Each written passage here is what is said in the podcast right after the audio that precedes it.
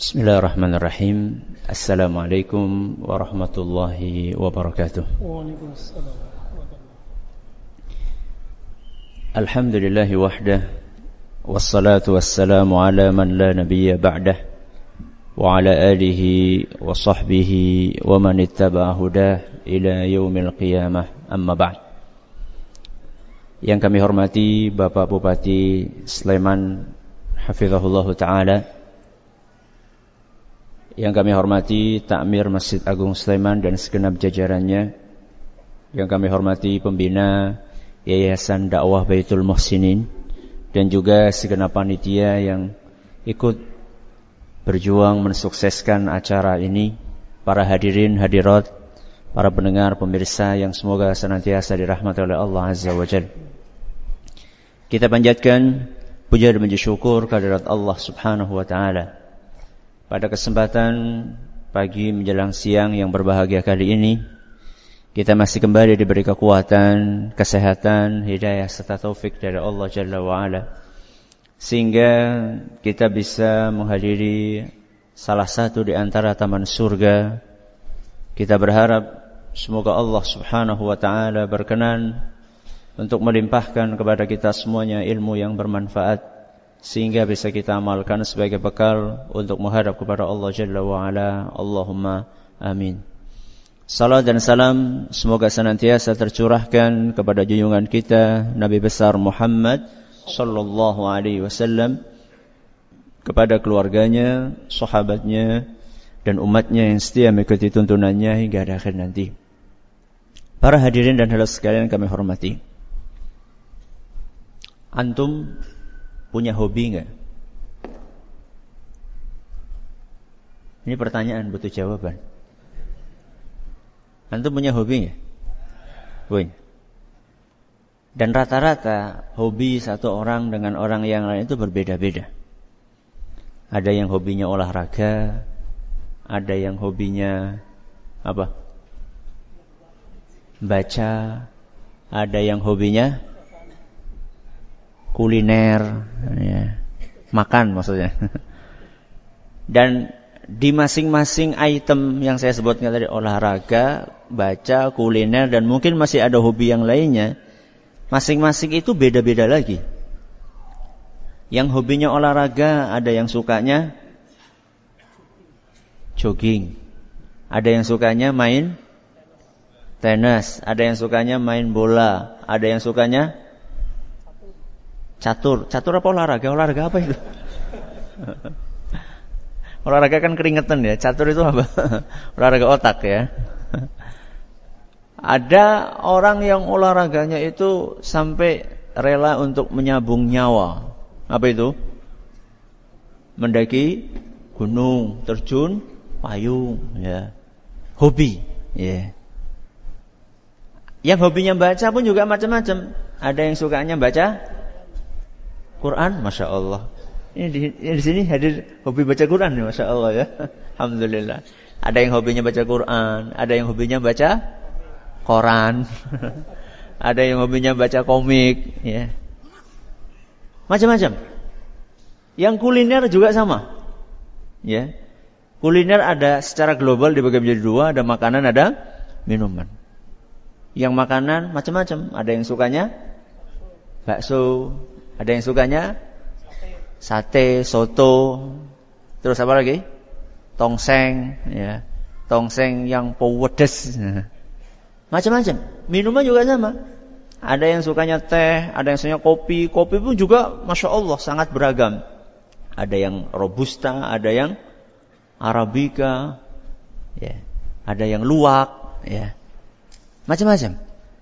Nah sekarang ketika kita menikmati atau kita menjalani hobi tadi, rata-rata kita ketika menjalani hobi tadi akan menikmati. Makanya orang yang hobinya membaca, kalau sudah membaca sebuah buku yang sangat dia sukai, dia bisa duduk atau berbaring sampai berjam-jam. Bahkan sampai menabrak aktivitas-aktivitas yang lebih penting lainnya. Karena saking enaknya, saking nikmatnya menjalani hobi tersebut. Begitu pula ketika orang hobinya kuliner, kopi misalnya. Dia rela untuk mengeluarkan uang yang banyak hanya untuk secangkir kopi apa tadi? Luwak. Berapa harganya? Mana penggemar kopi? Berapa harganya kopi luwak itu? Gak tahu. Saya juga nggak tahu, nggak pernah saya nyicipi kopi luwak. ya. Katanya sih sampai 100, sampai 200 gitu ya. Rela dia keluarkan karena dia ingin menikmati kopi tersebut. Orang yang berolahraga pun sama. Walaupun tadi menyabung nyawa, ya, melakukan perjalanan begitu jauh, tapi dia menikmati. Dia rela untuk melakukan perjalanan begitu jauh, mendaki gunung yang begitu terjal, melakukan perjalanan berangkat pagi sampai ke puncak itu paginya lagi cuma pengen ngelihat apa? Sunrise. Iya. Masa sunset? Sunset kan matahari terbenam. Ya, sedikit-sedikit saya paham lah bahasa Inggris. ya. Pengen cuma pengen ngelihat matahari terbit dari gunung apa? Mana kalau sini? Merapi. Ya. Ada yang lain Gunung Bromo, kalau di daerah kami Gunung Slamet. Mereka begitu menikmati hobinya.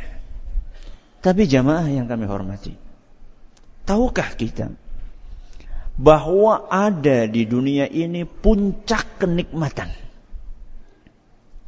Di dunia ini ada puncaknya kenikmatan yang ternyata tidak sedikit di antara orang-orang yang tadi saya sebutkan katanya sudah menikmati sesuatu yang paling nikmat di dunia, ternyata dia belum merasakan puncak kenikmatan tersebut. Apa kira-kira puncak kenikmatan tadi? Inilah yang akan kita bahas insya Allah pada pertemuan hari ini. Puncak kenikmatan itu disebutkan oleh Imam Ibn Rajab Al-Hambali rahimahullah dalam kitab beliau Jami'ul Ulumi wal Hikam. Beliau mengatakan, qala ba'dhum. Sebagian orang bijak, sebagian orang arif, mereka mengatakan, masakinu ahli dunia, penduduk dunia yang paling miskin, penduduk dunia yang paling miskin, yang paling sengsara, yang paling merugi, kharaju minha wa ma atyaba ma fiha.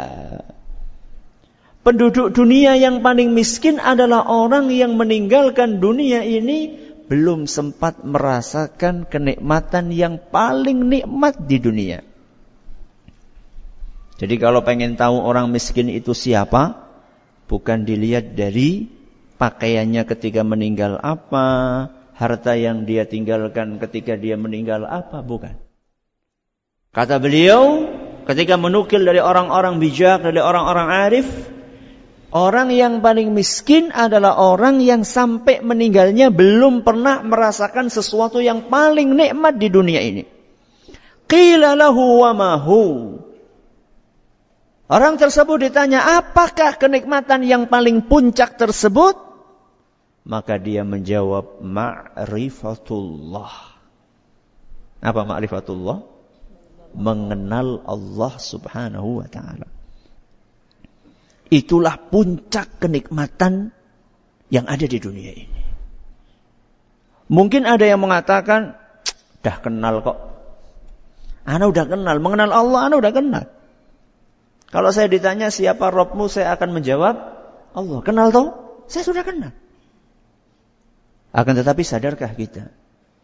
Kalau kita sudah, sudah disuruh menjelaskan Allah itu bagaimana, sifat-sifatnya, nama-namanya, kasih sayangnya, kita akan kebingungan.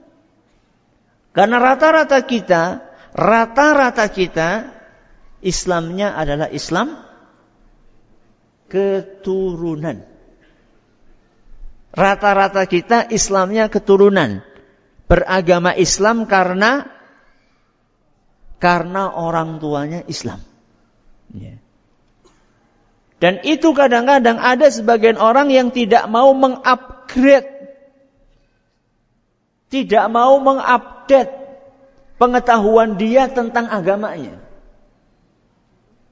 Ibarat sekolah itu di TK terus, nggak pernah pindah ke SD.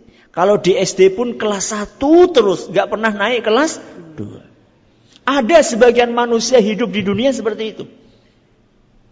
Pengetahuan dia tentang Allah ya segitu-segitu saja. Ada sebagian orang mengklaim, oh saya sudah tahu Allah itu siapa. Siapa Allah yang menciptakan alam semesta ini. Itu toh. Ketika kita mengenal Allah, mesti ada buahnya. Dan nanti kita akan jelaskan dengan izin Allah subhanahu wa ta'ala, apa efek kita mengenal Allah azza wa jalla. Jadi kalau ada orang mengklaim mengenal Allah, akan tetapi setiap harinya dia selalu berbuat maksiat kepadanya, berarti dia belum kenal Allah. Nanti kita akan jelaskan bahwa orang yang benar-benar mengenal Allah, maka dia akan takut kepada Allah Azza wa Jalla. Akan takut kepada Allah Subhanahu wa taala. Akan cinta kepada Allah Subhanahu wa taala, hidupnya akan nyaman dan seterusnya. Maka sangat penting sekali dengan izin Allah Subhanahu wa taala kita mempelajari mengenai bab ma'rifatullah. Jadi nanti saya akan sering menyebutkan judul kita ini kadang-kadang dengan ungkapan mengenal Allah, kadang-kadang dengan ungkapan ma'rifatullah. Jadi kalau saya ngomong mengenal Allah, ya maksudnya ma'rifatullah. Kalau saya ngomong ma'rifatullah ya maksudnya apa? Mengenal Allah. Ini pengenalan istilah. Insya Allah pembahasan kita akan kita bagi dalam beberapa poin. Poin yang pertama adalah mengapa kita mengenal Allah. Mengapa kita perlu mengenal Allah. Kemudian yang kedua nanti kita akan bahas apa yang dimaksud dengan mengenal Allah. Ma'rifatullah itu apa? Itu poin yang kedua. Poin yang ketiga kita akan bahas bagaimana cara mengenal Allah. Bagaimana cara mengenal Allah. Sudah berapa itu? Tiga. Tiga. Yang keempat yang akan kita bahas insya Allah adalah apa saja yang perlu kita kenal dari Allah. Apa saja yang perlu kita kenal dari Allah. Berapa? Empat. Empat. Yang kelima, yang terakhir, mengenal Allah bukan sekedar teori. Mengenal Allah bukan sekedar teori. Ini insya Allah materi kita pada hari ini. Maka cukup uh, panjang materinya. Semoga Allah memberkahi waktu kita sehingga cukup untuk kita selesaikan pada kesempatan kali ini. Yang pertama, mengapa kita mengenal Allah? Kalau Anda ditanya, mengapa kita mengenal Allah? Jawabannya karena itu kebutuhan primer. Karena itu kebutuhan primer. Walaupun banyak orang tidak tahu bahwa itu kebutuhan primer. Bahkan sebagian ulama seperti yang disampaikan oleh uh, beberapa ulama mereka mengatakan innaha fawqad darurati ila at-ta'ami wasyarabi wal hawa. Kebutuhan kita untuk mengenal Allah itu lebih besar dibandingkan kebutuhan kita terhadap makanan, minuman, dan udara untuk kita bernafas. Jadi saking primernya kebutuhan kita untuk mengenal Allah sampai dikatakan oleh sebagian ulama bahwa mengenal Allah itu lebih primer dibandingkan makan minum kita. Kalau Anda tidak makan apa yang terjadi? Lapar. Ya iyalah mesti lapar. Tapi ujung-ujungnya akan mati, akan lemes. Lemes lama-lama mati. Begitu pula minum, orang kena dehidrasi, dia tidak fokus. Ya. Tidak bisa mikir dengan baik. Ya. Orang nggak dapat udara, dia akan sesek. Begitu pula orang yang tidak mengenal Allah Azza wa Jal. Dia akan lemes. Dia akan sesek. Dia akan sulit untuk fokus. Jadi mengenal Allah adalah merupakan kebutuhan primer setiap manusia. Kenapa? Karena kita semua membutuhkan Allah Azza wa Jal dalam setiap makan, minum, dan bernafas kita. Tanpa ada izin dari Allah kita nggak bisa makan. Anda pikir kalau makanan sudah ada di depan mata kita, kita bisa langsung makan? Banyak orang yang makanan di depannya nggak bisa dia makan. Karena Allah tidak berkehendak dan tidak mengizinkan. Ada makanan enak-enak di hadapannya. Ada sate, ada gulai, ada es krim, ada jus, ada ini. Begitu akan makan, mau makan sate, aduh, kolesterolnya apa? Tinggi, nggak jadi. Mau minum es krim, makan es krim, aduh, apanya? E, gulanya tinggi. Mau makan apa lagi, makan apa lagi, tanpa izin dari Allah nggak bisa. Yeah. Kadang-kadang nggak punya es, eh, nggak nggak punya gula, nggak punya kolesterol, tetap aja nggak bisa makan ketika Allah nggak mengizinkan. Kenapa? Giginya sakit. Jadi kita itu butuh untuk mengenal Allah dan kebutuhan kita terhadap ma'rifatullah ini lebih primer dibandingkan kebutuhan kita terhadap makan dan minum karena kita semuanya membutuhkan Allah Azza wa. Bahkan sebagian ulama mengatakan bahwa ilmu mengenal Allah itu adalah merupakan ilmu yang paling tinggi. Tidak ada ilmu yang lebih tinggi, lebih penting dibandingkan ilmu mengenal Allah Subhanahu wa taala. Makanya Imam Ibn Rajab mengatakan, "Afdhalul ilmi al-ilmu billah." Ilmu yang paling afdal, ilmu yang paling tinggi, ilmu yang paling utama adalah ilmu mengenal Allah Subhanahu wa taala. Sehingga ketika orang punya ilmu banyak, tapi dia tidak punya ilmu tentang Allah, seakan-akan ilmu dia yang banyak itu tidak ada gunanya.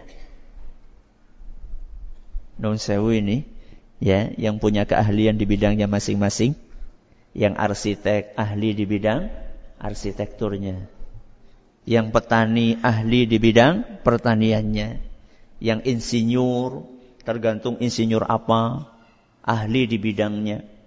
Ya, yang ahli komputer, ahli di bidang komputer, yang dokter, ahli di bidangnya. Seluruh ilmu yang Anda miliki tersebut seakan-akan tidak ada gunanya. Seakan-akan tidak ada harganya ketika Anda tidak memiliki ilmu mengenal Allah Azza wa Jalla. Sebagaimana disebutkan oleh Imam Ibn Qayyim Al-Jauziyah, beliau mengatakan, Wa ayyu ilmin amalin hasara liman fatahu al-ilmu billah wal amalu bimardatihi. Ilmu apa kata beliau? Amal apa kata beliau? Yang tidak diiringi dengan ilmu terhadap Allah Azza wa Jalla. Amal apa? Pekerjaan apa? Tidak ada manfaatnya suatu pekerjaan seandainya pekerjaan itu tidak diiringi dengan amal untuk mencari ridhonya Allah Subhanahu wa taala. Kenapa bisa demikian Ustadz? Karena orang atau ilmu mengenal Allah adalah merupakan induk dari seluruh ilmu.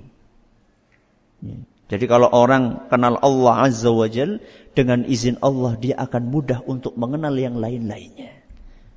Dia bisa mengenal alam semesta ini. Dia bisa mengenal ilmu-ilmu yang lainnya. Ini adalah induknya ilmu. Mengenal Allah adalah merupakan induknya ilmu. Sehingga seandainya ini tidak ada, maka yang lainnya seakan-akan tidak ada. Nas'alullah assalamu wa afiyah. Sebagaimana disampaikan oleh Imam Ibn Taimiyah, kata beliau, Fal ilmu billahi aslu kulli ilmin.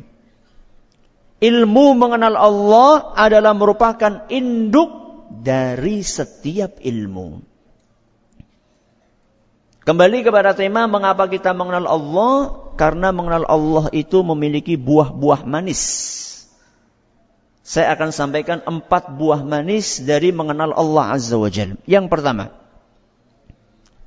dengan mengenal Allah hidup kita akan nyaman. Dengan mengenal Allah hidup kita akan nyaman. Orang biasanya merasa tidak nyaman di dalam hidupnya karena apa?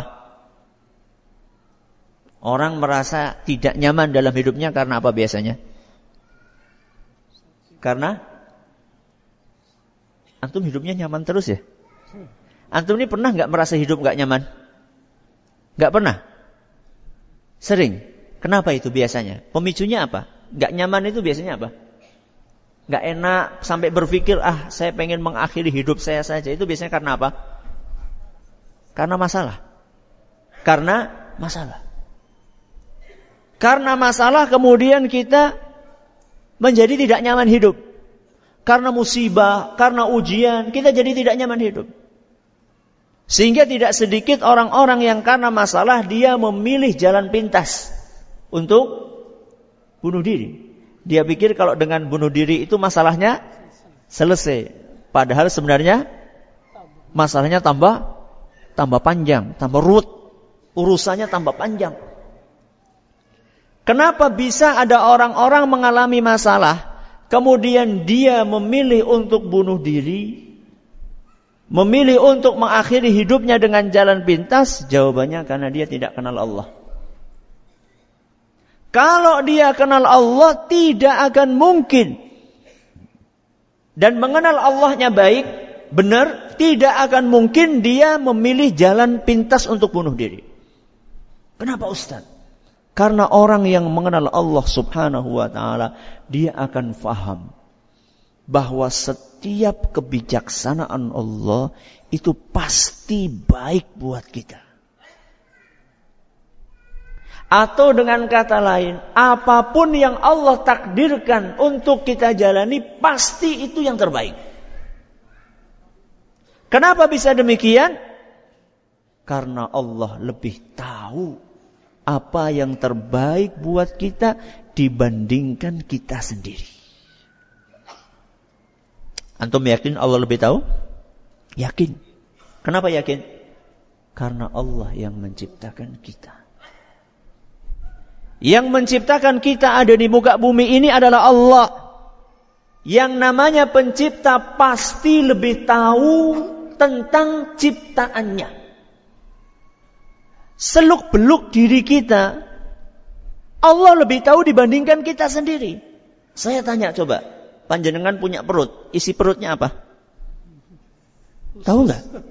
Tahunya kan kita usus, terus apa? Hati, Hati jantung. Itu dok. Usus, hati, jantung, empedu, apa lagi? Apa? Pankreas, pankreas kan oh beda ya. Ya, terus apa lagi? Apa? Lambung, ginjal.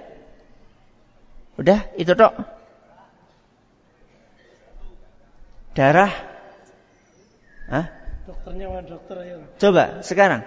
Usus jenengan berapa meter? Gak tahu toh? Gak tahu. Terus jantung jenengan Ukurannya berapa? Beratnya berapa? Gak tahu. Padahal kita sudah pakai berapa tahun? Tergantung usia. Yang 60 tahun mungkin sudah. Nah, ini yang paling sepuh di sini coba. Yang paling sepuh angkat tangan. Yang usianya di atas 60 tahun. Panjenengan berapa? 65. Ada yang di atas 65? 72. Masya Allah. Ada yang di atas 72?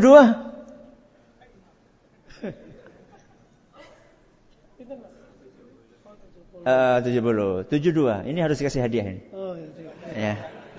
Panitia mana? Ini ada. Oh, hadiah. berapa? Ada berapa, Mbah?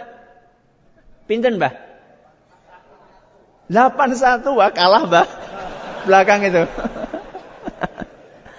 Panitia ya, Panitia, tolong. Ini. Uh, ini Mbah, sinten namanya Mbah? Mbah Jayadi. Masya Allah. Alhamdulillah. Jaya terus insya Allah Mbak. Alhamdulillah.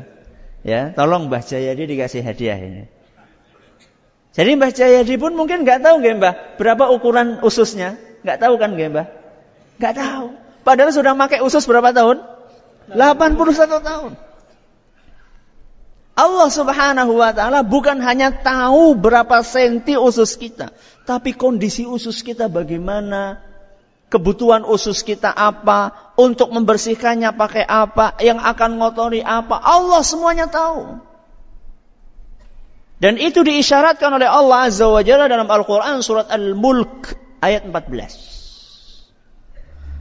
Dalam surat Al-Mulk ayat 14 Allah Subhanahu wa taala berfirman, "Ala ya'lamu man khalaqa wa huwal latiful khabir." Sesungguhnya yang menciptakan itu lebih tahu dengan kondisi ciptaannya. Wa huwal latiful khabir. Dan Allah itu maha lembut, lagi maha mengetahui segala sesuatu. Jadi ketika Allah menakdirkan yang gak enak buat kita kelihatannya, orang yang mengenal Allah, begitu dia dapat musibah, dia langsung ini dari Allah. Ketika dia menghadirkan perasaan ini dari Allah, maka dia pasti apa yang Allah takdirkan itu yang terbaik buat kita. Sehingga jarang Anda temukan orang-orang yang mengenal Allah ketika mendapatkan musibah dia ngeresula. Dia itu mengeluh jarang Anda temukan orang yang seperti itu. Karena dia yakin betul dengan sabda Nabi sallallahu alaihi wasallam, "Innallaha la yaqdi lil mu'mini qada'an illa wa kana khairan lahu. Sesungguhnya Allah Subhanahu wa taala Sesungguhnya Allah Subhanahu wa taala tidaklah menakdirkan sesuatu buat seorang mukmin melainkan apa yang Allah takdirkan itu pasti baik buat dia. Ini Nabi sebutkan dalam hadis riwayat Ahmad dan dinyatakan sahih oleh Imam Ibn Hibban dan Syekh Al-Albani. Jadi takdir Allah itu semuanya baik. Walaupun menurut kita sebagiannya nggak enak. Panjenengan pernah mengalami takdir yang nggak enak? Pernah nggak? Pernah. Contohnya, kehilangan, kehilangan sandal. Nah, itu takdir enak apa enggak? Enggak enak. Antum berangkat ke Masjid Agung Sleman, baru beli sandal baru, masya Allah, sandal brand, berbrand maksudnya. Ya, sandal yang bermerek. Wah, tak nyari sandal yang bermerek ini buat ke masjid, mudah-mudahan barokah. Ternyata begitu keluar masjid, sandalnya apa? Enggak ada. Hikmahnya apa? Hikmahnya apa? Apa? Beli baru. Hikmahnya apa coba kira-kira? Macam-macam, masing-masing hikmahnya beda-beda. Ada yang hikmahnya begitu ngelihat sendalnya hilang, inna lillahi wa inna ilaihi rajiun. Zikir, dapat pahala. Ya. Ini pernah disampaikan sama contoh yang kedua. Ini pernah disampaikan sama Ustaz Syafiq. Hafizahullah taala. Nyalain apa namanya? motor. Ya, masukin kontak ke motor nggak nyala-nyala, itu musibah atau enggak? Musibah. Hikmahnya apa? Apa kata beliau hikmahnya? Hah? Hikmahnya kan nggak nyala kan, nggak nyala, kerek nggak nyala. Akhirnya karena nggak nyala-nyala dia akan membaca Bismillah dengan khusyuk sekali. Ya. Iya. Dengan penuh perasaan sambil merem-merem, dia membaca Bismillah. Saya kira nggak pernah dia sekhusyuk itu baca bismillah. Ya, Ternyata belum nyala. Akhirnya dia tingkatkan namanya, Tingkatkan kekhusyukannya lagi. Lebih khusyuk lagi, lebih merem lagi, lebih mendesah lagi. Ya. Bismillah. Ya. Akhirnya nyala. Ya. Hikmah. Dan kita ini ketika mendapatkan sesuatu yang nggak enak, itu nggak mesti hikmahnya langsung kita ketahui saat itu nggak mesti. Kadang-kadang kita ini baru tahu hikmahnya nanti mungkin setahun kemudian, dua tahun kemudian, tiga tahun kemudian. Ada orang yang di penjara baru tahu hikmahnya setelah tiga tahun di penjara. Ternyata di penjara ketemu dengan pengajian, pengajian sunnah. Kalau dia nggak di penjara nggak tahu sunnah. Ada orang kena paru-paru. Ya, atau kena jantung koroner, baru tahu hikmahnya setelah kena paru-paru. Apa itu? Jadi berhenti ngerokok. Ya. Jadi orang yang mengenal Allah Subhanahu wa taala, dia yakin betul bahwa apa pun yang ditakdirkan oleh Allah pasti yang terbaik buat dia sehingga dia akan menjalani kehidupan ini dengan nyaman. Itulah pentingnya kenapa kita harus mengenal Allah. Yang pertama buahnya hidup kita akan nyaman. Kadang-kadang kita merencanakan sesuatu. Akan tetapi ternyata yang kita rencanakan itu tidak terjadi sesuai dengan apa yang kita rencanakan. Merencanakan pengen kuliah misalnya di UI misalnya. Pilihan pertama di UI, pilihan kedua di ITB, pilihan ketiga di UGM misalnya. UGM pilihan yang yang terakhir. Ternyata di UI nggak diterima, di ITB nggak diterima, diterima di mana? Di UGM. Baru tahu hikmahnya setelah sekian tahun, akhirnya tahu ngaji sunnah di UGM. Hikmah. Makanya di dalam Al-Quran Allah subhanahu wa ta'ala berfirman, an takrahu syai'an wa huwa khairul lakum. Bisa jadi kalian membenci sesuatu, padahal sesuatu yang kalian benci itu baik buat kalian. Jadi kadang-kadang kita itu membenci sesuatu. Kayak tadi misalnya, saya pengennya kuliahnya di alternatif yang pertama. Atau minimal di alternatif yang kedua, ternyata dilemparkan ke alternatif yang ketiga. Kita terima dalam keadaan benci, nggak suka. Tapi ternyata itu yang terbaik buat kita. Ini dalam Al-Quran surat Al-Baqarah ayat 216. Tadi potongan ayat saya baca di tengah ayatnya. Yang menarik untuk kita cermati apa penutup akhir ayat tersebut. Dengan apa Allah menutup ayat yang saya baca tadi? Kata Allah Subhanahu wa taala, "Wallahu ya'lamu wa antum la ta'lamun."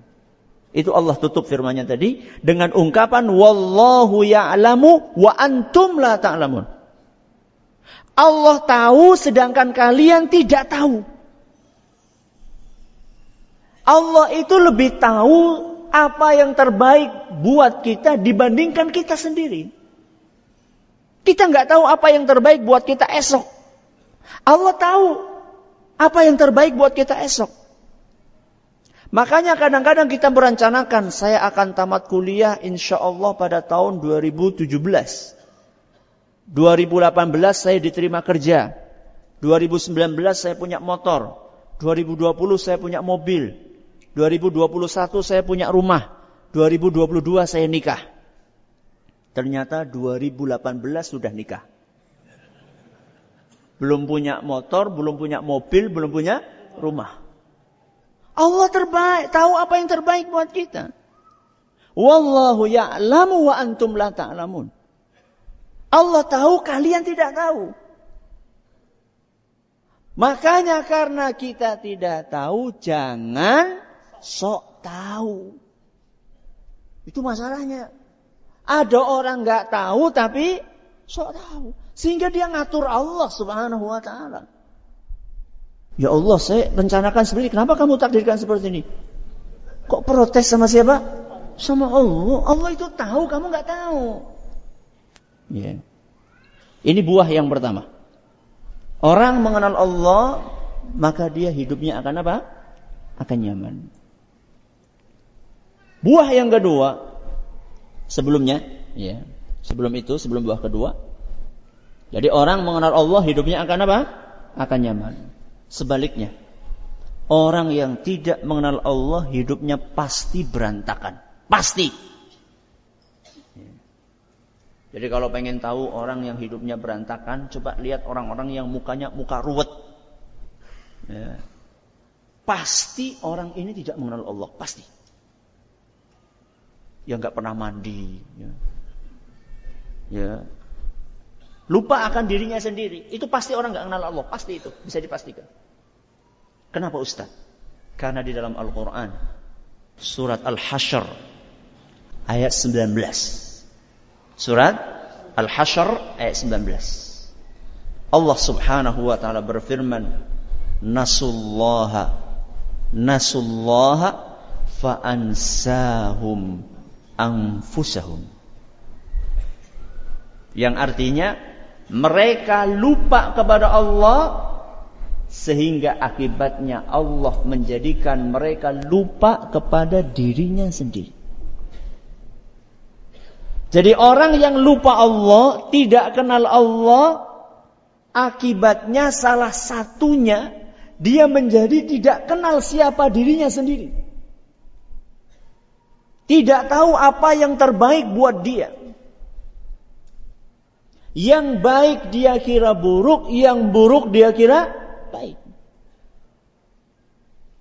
Sesuatu yang merusak dia pikir itu baik, sesuatu yang baik dia pikir merusak. Dia tidak kenal siapa dirinya. Sehingga mandi pun tidak. Gak tahu dia dirinya sendiri. Maka buah yang pertama bahwa mengenal Allah itu akan membuat hidup kita menjadi apa? Nyaman. Buah yang kedua. Dengan mengenal Allah kita bisa cinta kepada Allah Azza Dengan mengenal Allah, kita bisa cinta kepada Allah. Anak tanya. Antum cinta Allah? Bismillah. Antum ini belum sarapan ya? Ditanya kok diam semua. Antum cinta Allah? Cinta. Serius antum? Pernah nggak malas ibadah? Pernah apa sering? Pernah apa sering? Sering. Berarti tadi antum ngaku serius cinta sama Allah itu itu serius nggak pengakuannya?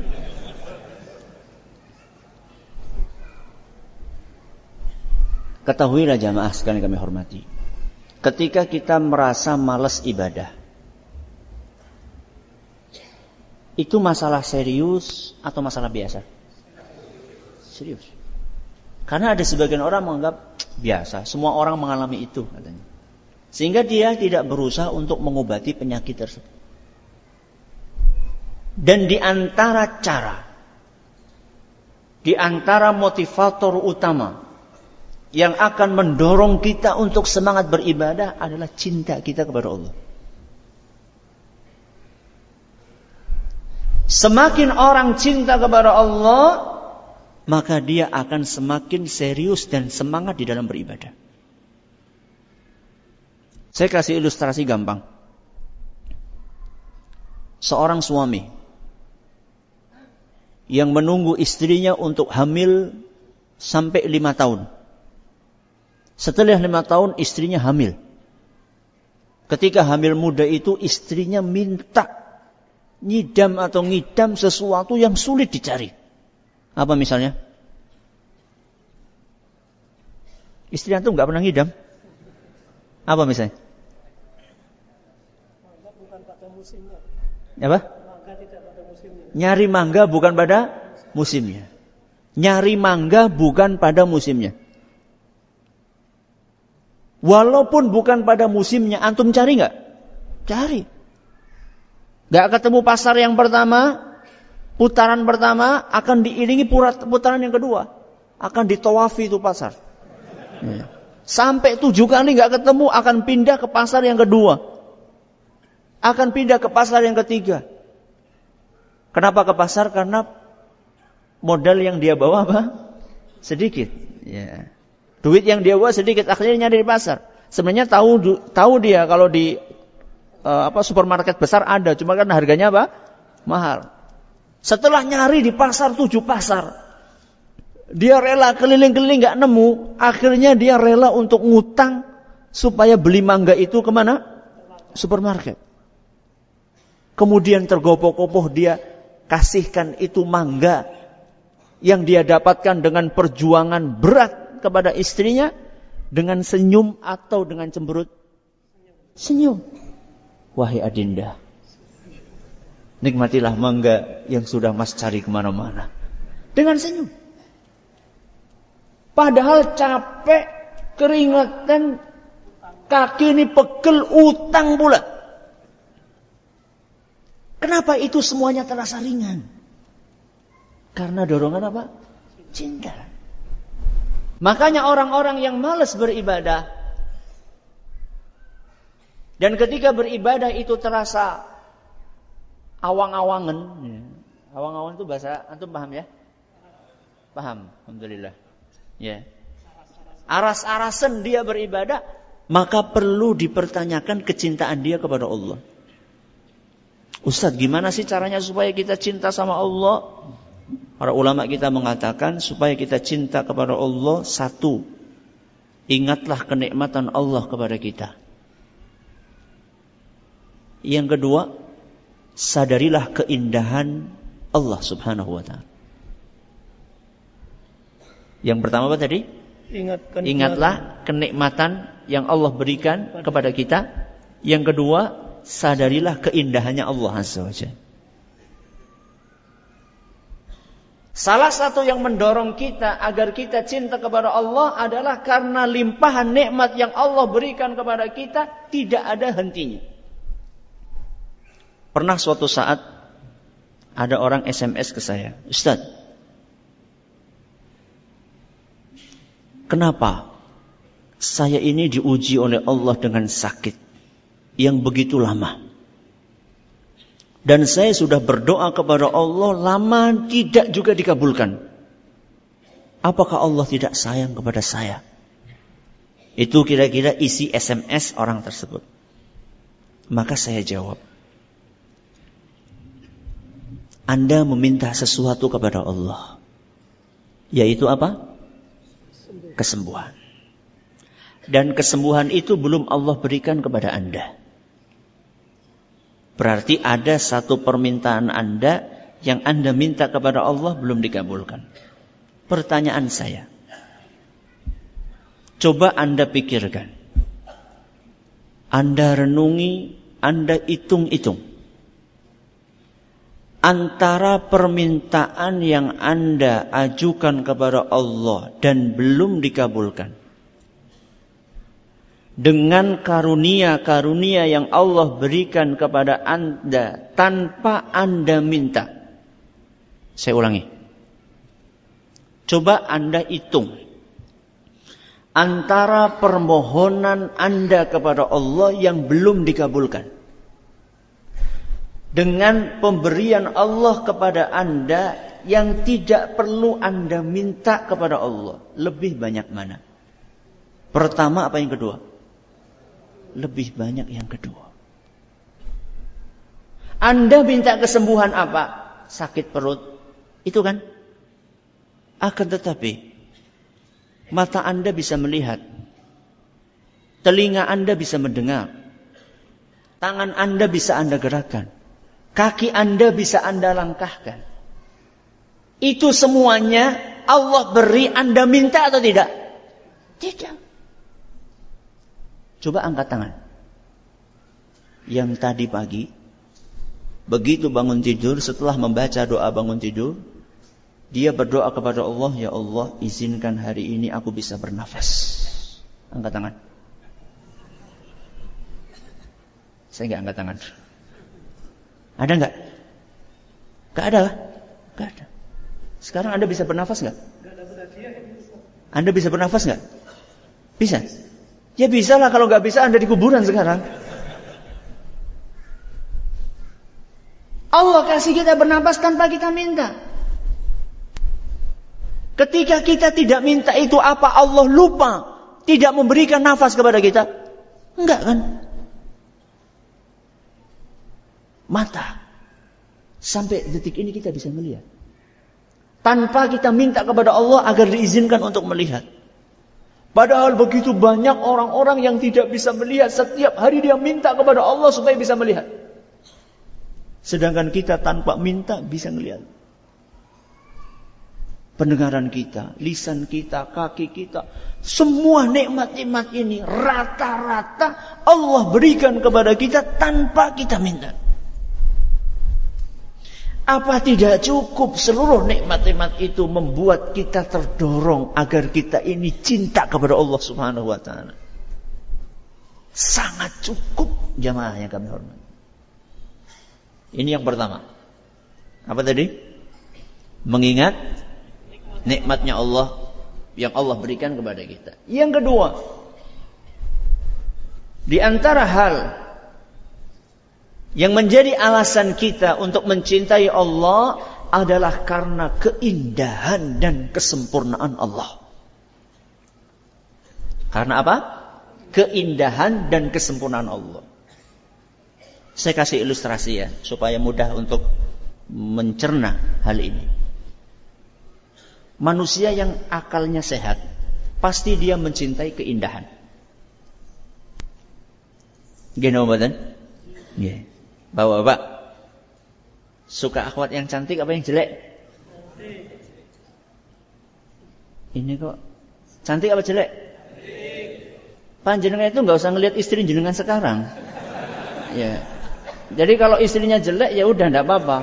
Tapi kalau jenengan ditanya suka istri yang eh, wanita yang cantik apa yang jelek pasti jawabannya cantik. yang cantik. Indah kan? Indah. Maaf, Suka kulit yang putih bersih apa belang-belang? Putih bersih. Kenapa? Indah, cantik. Kalau saya tanya ummahat juga sama. Jadi jangan cuma antum saja yang merasa istrinya kurang cantik. Ya saya tanya ummahat, ummahat kira-kira suka laki-laki yang ganteng, yang gagah, ya, yang sterok, ya, tahu sterok? Ya, uh, body apa namanya? Apa six? Apa namanya? Enggak tahu itu istilahnya six pack apa apa gitu yang keker gitu.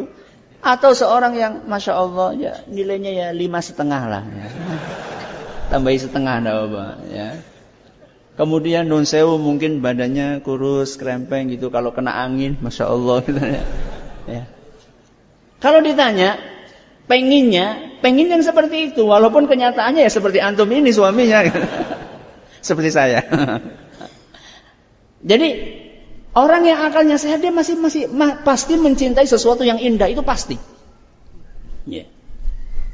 Saya kasih ilustrasi lah. Uh, gadget, ya yeah, smartphone. Kenapa smartphone itu menarik hati begitu banyak manusia? Sehingga seakan-akan dia itu nggak bisa tangannya lepas dari apa? Gadget tadi. Bangun tidur yang pertama kali dicari apa? Gadget. Mau tidur yang terakhir dilihat apa? Gadget. Sampai istrinya, mas, mas aku udah dandan kayak gini yang dilihat apa? Gadgetnya. Kenapa? Karena kita merasa itu gadget, itu banyak sekali hal-hal indah di dalamnya banyak menurut orang-orang yang mungkin lebih rasional, ini banyak membantu dalam kehidupan. Ya. Bisa melakukan segala aktivitas lewat itu, mau transfer, mau bisnis, mau ini, mau itu, bisa lewat situ, mau dakwah, bisa lewat situ. Padahal tahukah kita bahwa seindah-indahnya barang-barang yang saya sebutkan tadi, wanita yang cantik, laki-laki yang ganteng, smartphone yang canggih, itu ada kekurangannya enggak? Ada kekurangannya enggak? Ada. Wanita yang cantik, kekurangannya apa? Apa kekurangannya? Apa? Biaya perawatannya tinggi. ada biaya perawatannya ya. Kalau itu buat orang kaya no problem. Tapi ada satu kekurangan yang sampai orang kaya pun tidak bisa menghindari. Apa itu? Agama dan akalnya kurang. Ada yang lain? Apa? Usia. Bisa operasi plastik. Ada satu kekurangan yang nggak bisa dihindari. Apa itu? Betul, kalau kentut bau. Ada nggak secantik wanita kalau kentut wangi? Ada nggak? Nggak ada. Nggak ada wanita kentut itu keluarnya kayak parfum gitu nggak ada. Pasti bau. Walaupun wanita cantik apa pun. Itu bukan cuma wanita, antum pun yang ganteng juga sama. Ya. Maksud saya, secantik seindah apa pun barang, kalau itu makhluk pasti punya kekurangan.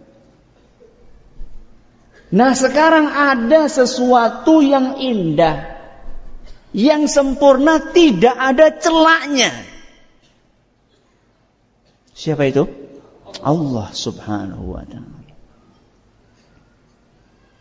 Seharusnya ketika kita tahu Allah itu seperti itu, yaitu Allah itu maha sempurna, tidak ada kekurangannya, maha indah.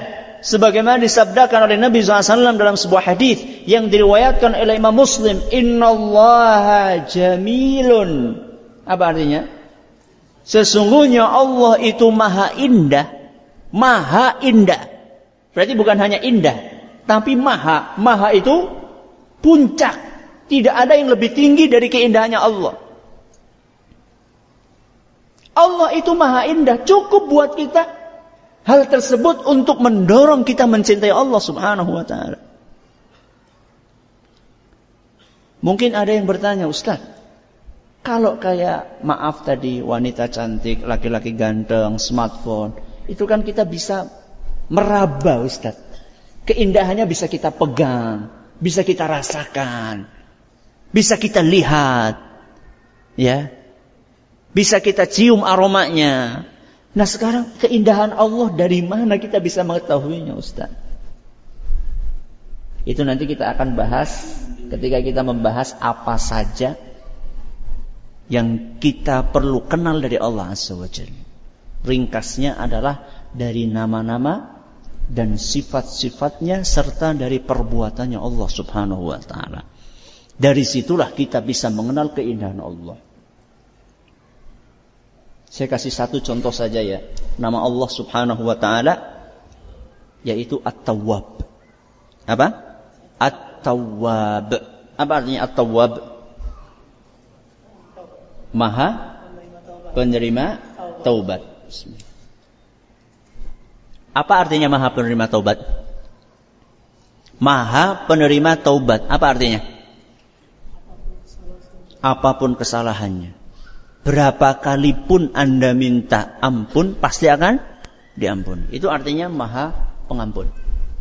Maha penerima taubat, at-tawwab, al-ghaffar, maha penerima taubat, maha pengampun. Itu artinya berapa kali pun hamba mengulangi kesalahan. Dan berapa kali pun dia minta ampun akan diampuni sama Allah. Bandingkan dengan manusia yang sumbu maafnya sangat pendek. Anda punya pembantu, ini sering saya kasih ilustrasi seperti ini. Anda punya pembantu. Hari pertama memecahkan gelas. Anda katakan wajar, pembantu baru. Hari yang kedua mecahkan piring. Anda katakan tidak apa-apa, baru dua biji. Hari yang ketiga mecahkan mangkok. Ah, murah kok. Hari yang keempat mecahkan keramik yang harganya jutaan. Gimana? Anda maafkan? Anda maafkan? Anda maafkan enggak? Ini ujian ini buat jenengan. Anda maafkan enggak? Hah? Enggak punya pembantu. Saya tanya yang punya. Rata-rata orang sumbunya pendek banget. Baru hari keempat. Wah gawat nih. Lama-lama bangkrut saya. Itulah manusia. Sumbu maafnya itu pendek banget.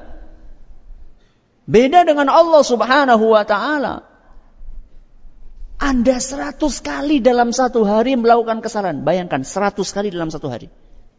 Itu sama saja pembantu Anda itu memecahkan gelas seratus satu hari. Kira-kira baru tiga, lima gelas. Eh, udah cukup, cukup, cukup. Habis nanti gelas saya.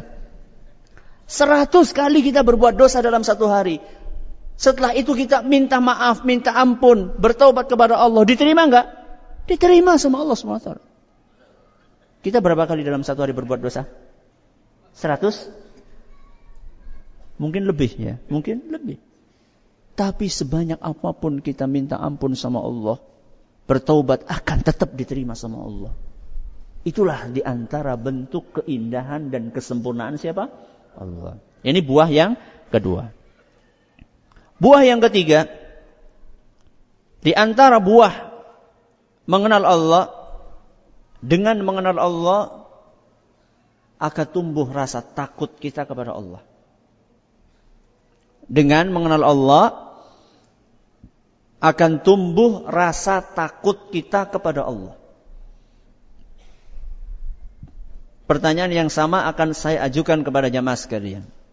Antum merasa takut kepada Allah? Antum takut sama Allah? Takut. Serius. Sudah pengalaman ya.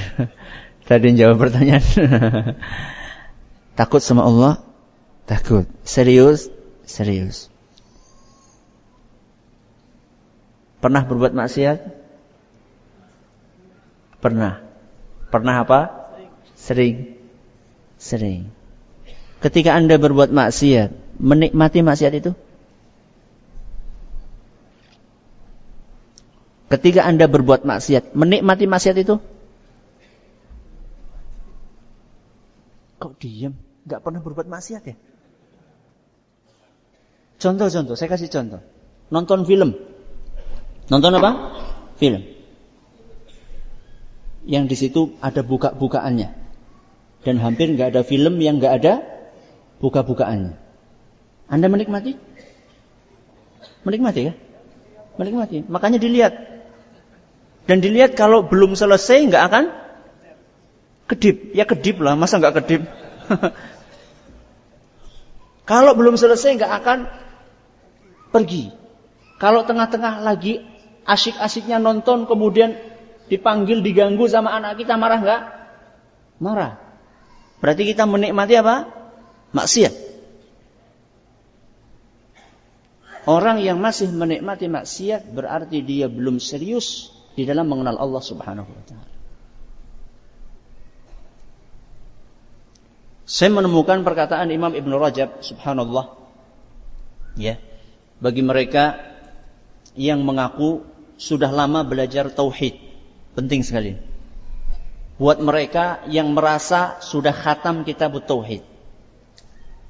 Buat mereka yang merasa inti dakwahnya adalah dakwah tauhid.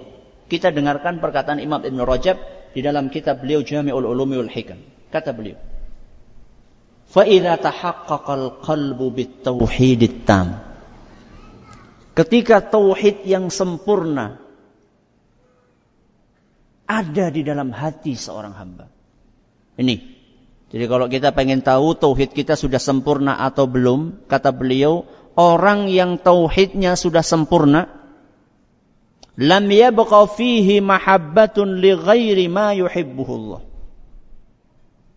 Tidak akan tersisa di dalam hatinya kecintaan kepada sesuatu yang tidak dicintai sama Allah.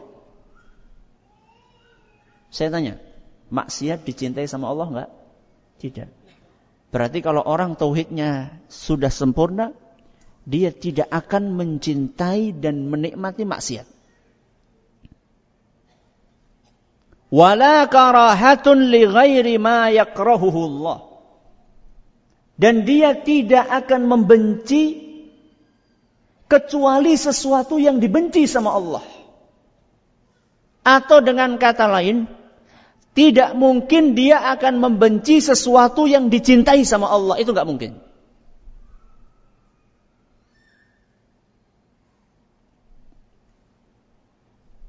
Subuh-subuh. Subuh, subuh. Dingin-dingin. Selimutnya tebel, kasurnya empuk. Dengar suara azan. Pergi ke masjid gimana? Enjoy, nyaman, apa berat? Nyaman, masya Allah, alhamdulillah.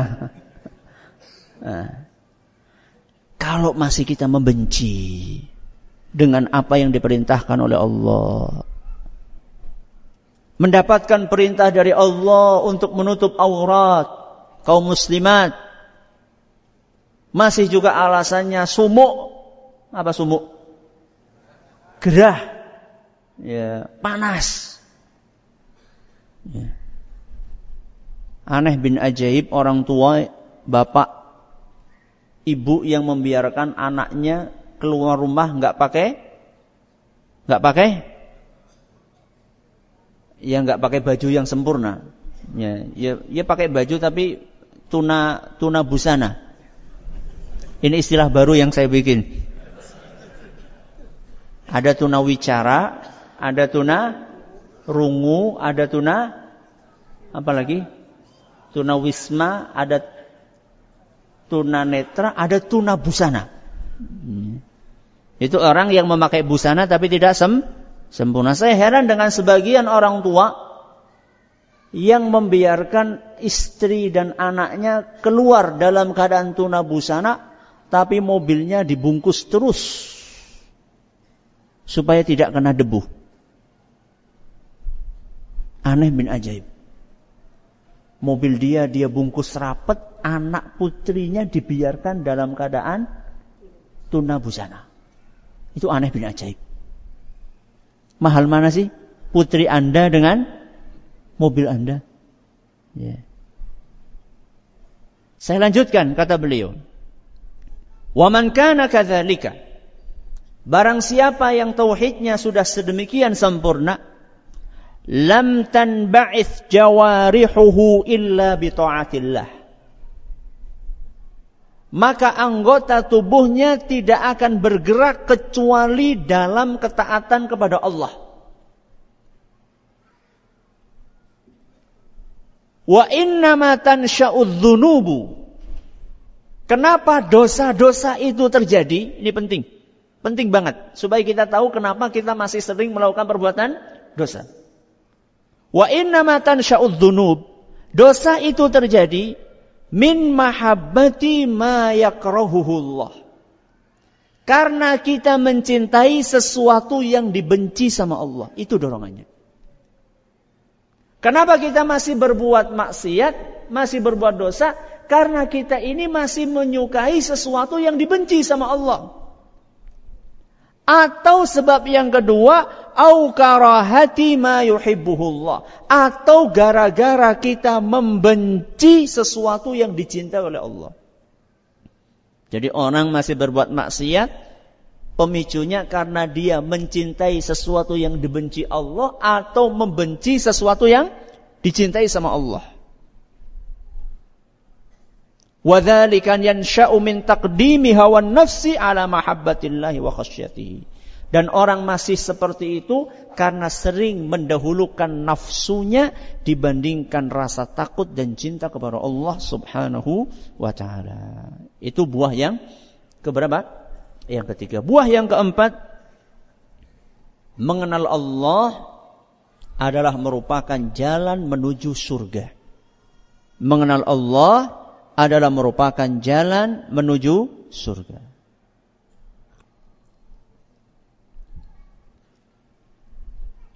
Tadi kenikmatan yang paling puncak apa di dunia? Ma'rifatullah. Orang yang sudah sampai derajat ma'rifat. Ini tolong dipahami dengan baik. Ya, maksudnya adalah ma'rifatullah yang benar. Orang yang sudah sampai derajat makrifat ketika di dunianya, ma'rifatullah, mengenal Allah Azza wa Jal, maka dia akan merasa dunia ini seperti surga. Saking nikmatnya. Saking nikmatnya.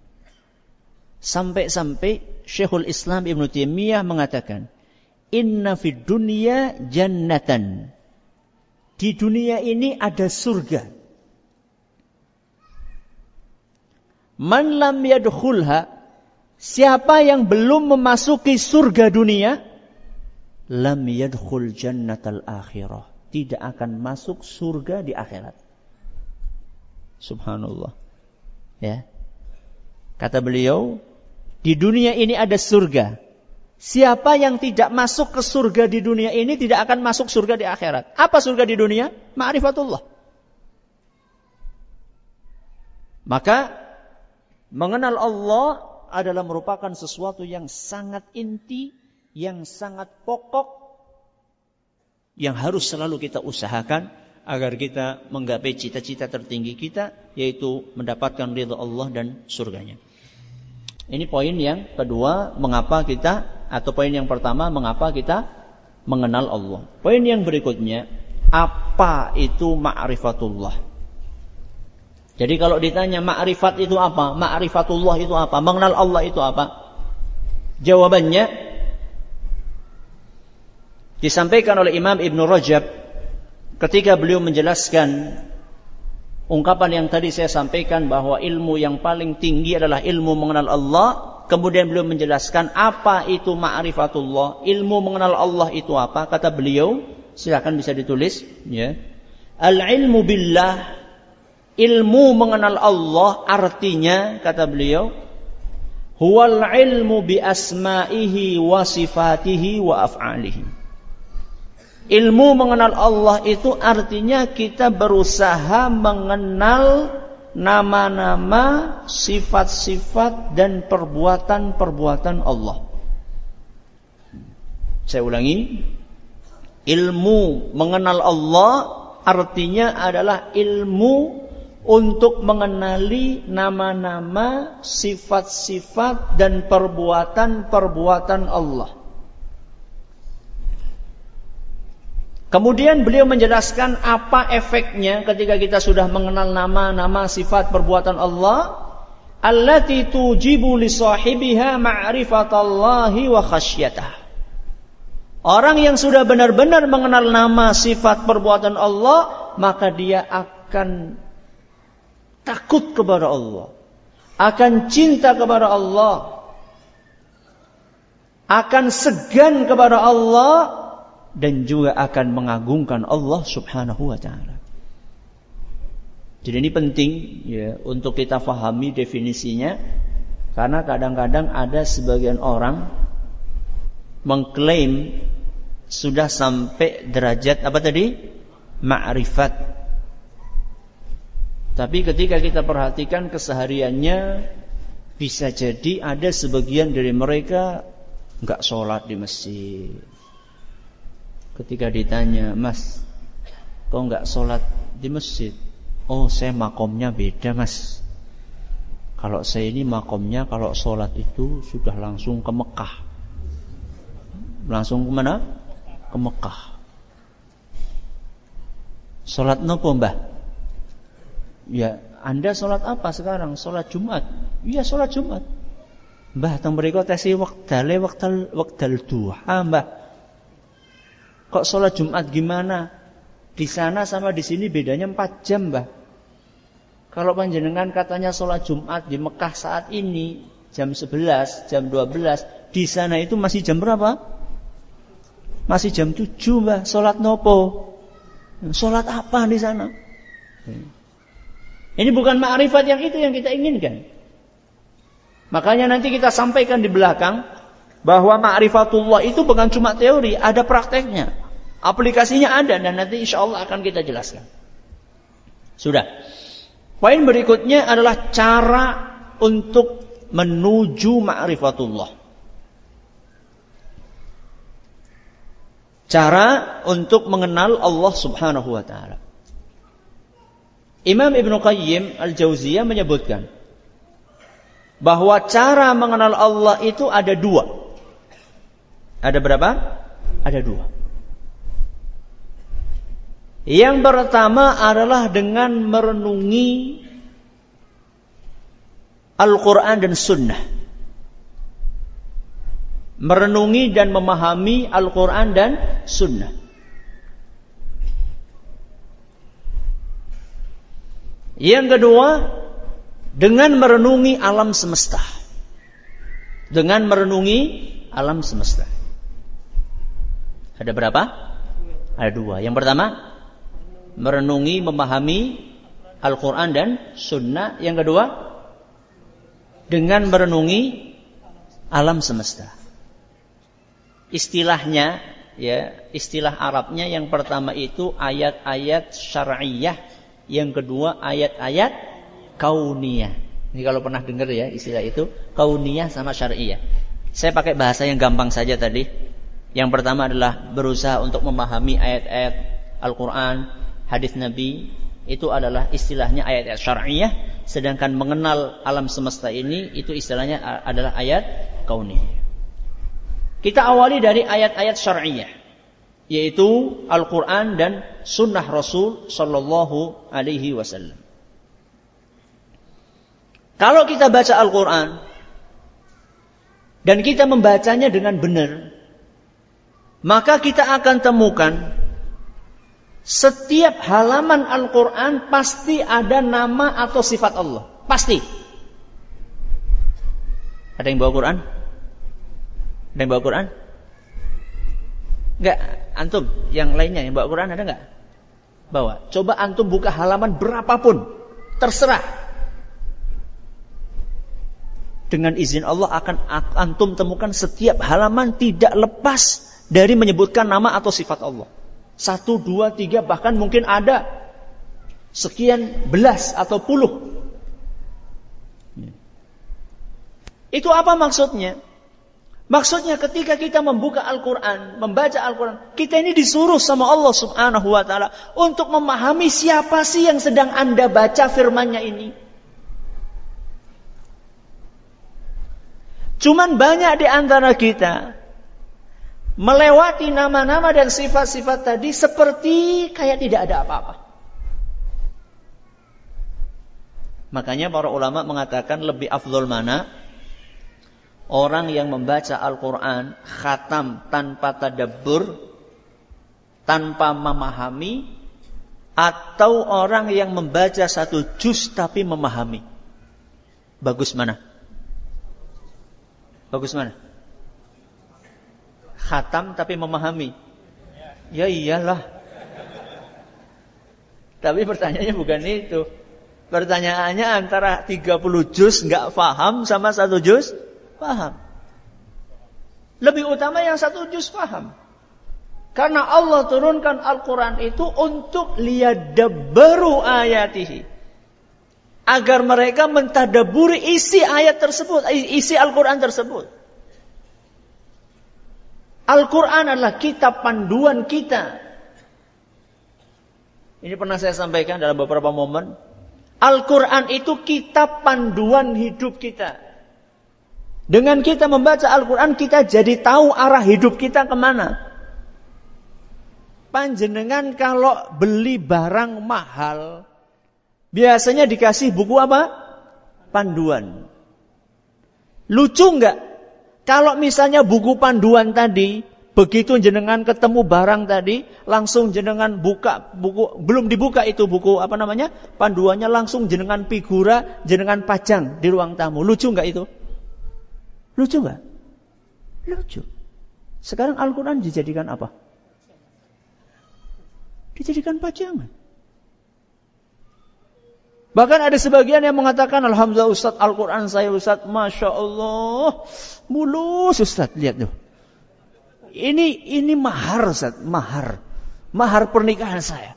Sampai sekarang masih lihat, licin banget Ustaz, Masya Allah Ustaz. Masya Allah, nggak ada debunya Ustaz, Masya Allah.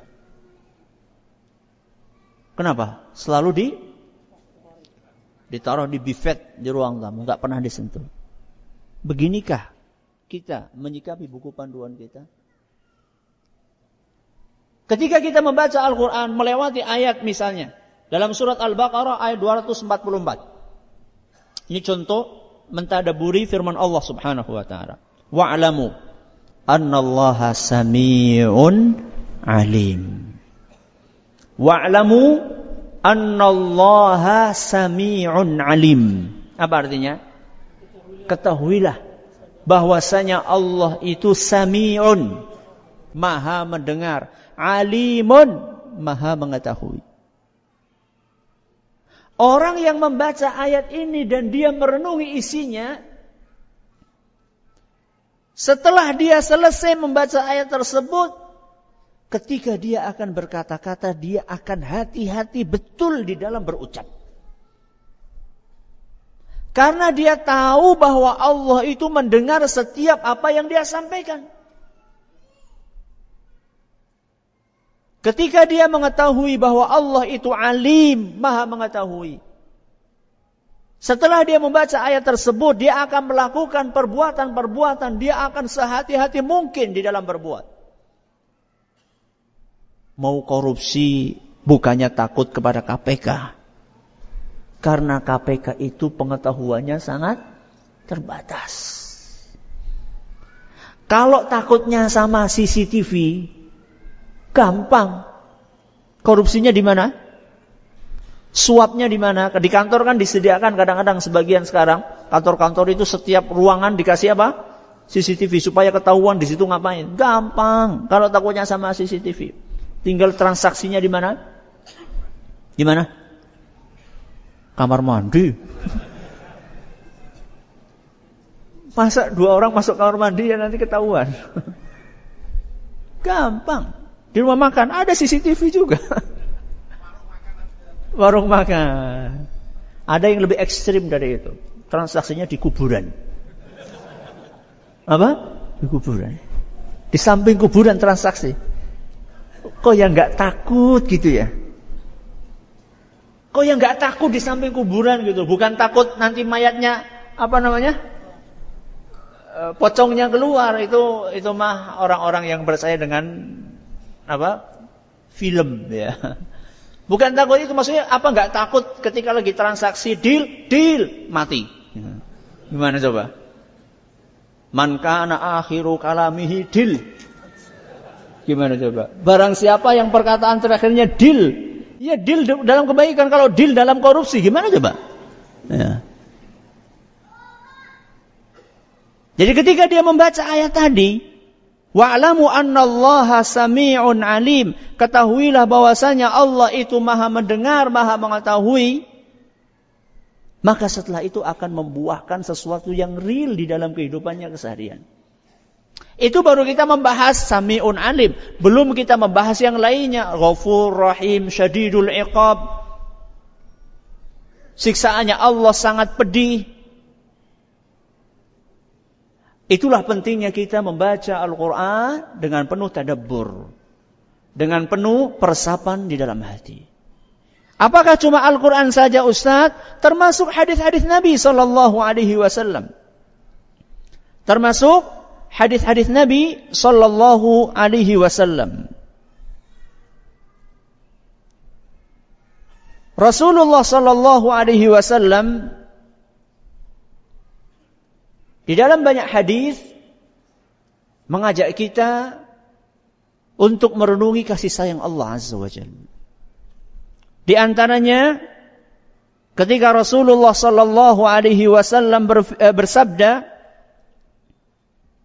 Inna lillahi mi'ata rahmah. Inna lillahi mi'ata rahmah. Sesungguhnya Allah itu punya seratus kasih sayang. Berapa? Seratus kasih sayang.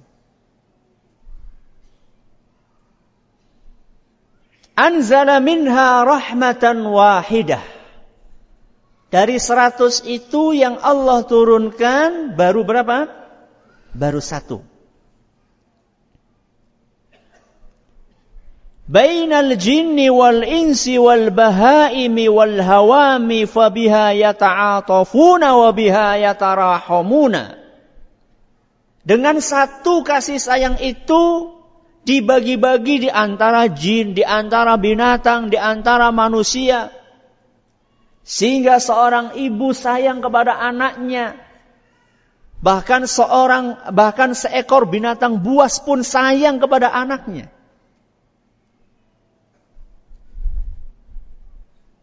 Antara kakak dengan adik, antara suami dengan istri, antara satu suku dengan suku yang lainnya semuanya bisa saling menyayangi hanya dengan satu apa? Rahmanya Allah. Dunia seisinya, emasnya, peraknya, mobilnya, sawahnya, perhiasannya itu baru satu dari rahmatnya Allah. Terus setelah itu Nabi SAW mengatakan apa? wa akharallahu tis'an wa tis'ina rahmah. Sedangkan yang 99 rahmat itu Allah simpan Untuk siapa? Yarhamu biha ibadahu yaumal qiyamah. Allah simpan untuk hamba-hambanya yang beriman nanti pada hari kiamat. Anda bisa bayangkan. Satu persen. Satu persen. Satu per seratus kan satu persen. Dunia seisinya itu cuma satu persen. Dari rahmatnya Allah. Berarti kalau kita membaca orang yang paling kaya di dunia. Siapa itu? Gak mengikuti ya? Iya. Antara Bill Gates sama Korun kaya siapa? Kaya siapa? Korun. Pernah melakukan survei. Buktinya sampai sekarang kalau orang nyari harta, hartanya siapa? Korun. Nggak ada orang nyari harta. Nyari harta apa mas? Nyari hartanya Bill Gates. Nggak ada. Hartanya karun. Di mana pun berada nyarinya harta karun. Ya. Jadi korun itu punya harta yang seperti sering kita dengarkan ma inna mafatihahu latanu'u bahwa kunci gudangnya itu kalau dibawa oleh sekitar 10 orang yang kuat mereka enggak kuat. Itu baru apanya? Kuncinya. Apalagi isi gudangnya. Korun yang sedemikian kayanya itu itu berapa persen dari rahmatnya Allah? 0, koma 0, 0, 0, 0, 0, nggak tahu berapa? Dari satu persen rahmatnya Allah. Sedangkan yang 99 persen untuk siapa? Untuk orang-orang yang beriman ketika mereka nanti masuk ke surganya Allah Subhanahu wa taala. Bisa Anda bayangkan seperti apa kecintaan Allah kepada hamba-hambanya yang beriman. Dengan ibadah kita yang serba terbatas. Salat kita jarang khusyuk. Zikir kita kadang-kadang cuma di lisan belum sampai masuk ke mana? Ke hati. Sedekah, ya sedekah tapi kadang-kadang kemasukan ria. Puasa, puasa akan tetapi mata kadang jelalatan. Dengan segala ibadah yang serba kurang tadi dikasih balasan apa sama Allah? 99 kali lipat kenikmatan yang ada di dunia ini. Apa itu tidak sayang Allah Subhanahu wa taala? Maka orang-orang yang membaca ayat Al-Quran, hadis-hadis Nabi SAW, maka dia akan mengenal Allah Subhanahu wa taala. Itu cara yang pertama. Dengan apa tadi? Memahami Al-Quran dan Sunnah. Yang kedua adalah dengan memahami, merenungi alam semesta ini yaitu ciptaan Allah Subhanahu wa taala. Dan merenungi alam semesta ini adalah salah satu perintah agama, tafakkur, tadabbur. Bahkan kata sebagian ulama, at-tadabburu ibadatu al-awliya. Ya. Tadabbur dan tafakkur itu adalah ibadahnya para walinya Allah. Jadi para walinya Allah selain mereka membaca Al-Quran, salat, puasa, zakat, mereka juga punya ibadah namanya tadabbur. Merenungi ciptaan Allah subhanahu wa ta'ala. Wa fil ardi ayatun lil mukinin. Di bumi ini banyak ayat-ayat tanda-tanda kekuasaan Allah buat orang-orang yang yakin. Wa fi anfusikum afala tubsirun. Dan apa yang ada di dalam diri kalian sendiri, apakah kalian tidak melihatnya? Ini Allah firmankan dalam surat Az-Zariyat ayat 20 sampai 21. Kita ini suruh merenungi tubuh kita sendiri tadi. Seperti yang saya katakan tadi, kita aja nggak tahu berapa panjangnya apa usus kita. Allah bikin tubuh kita begitu sempurna.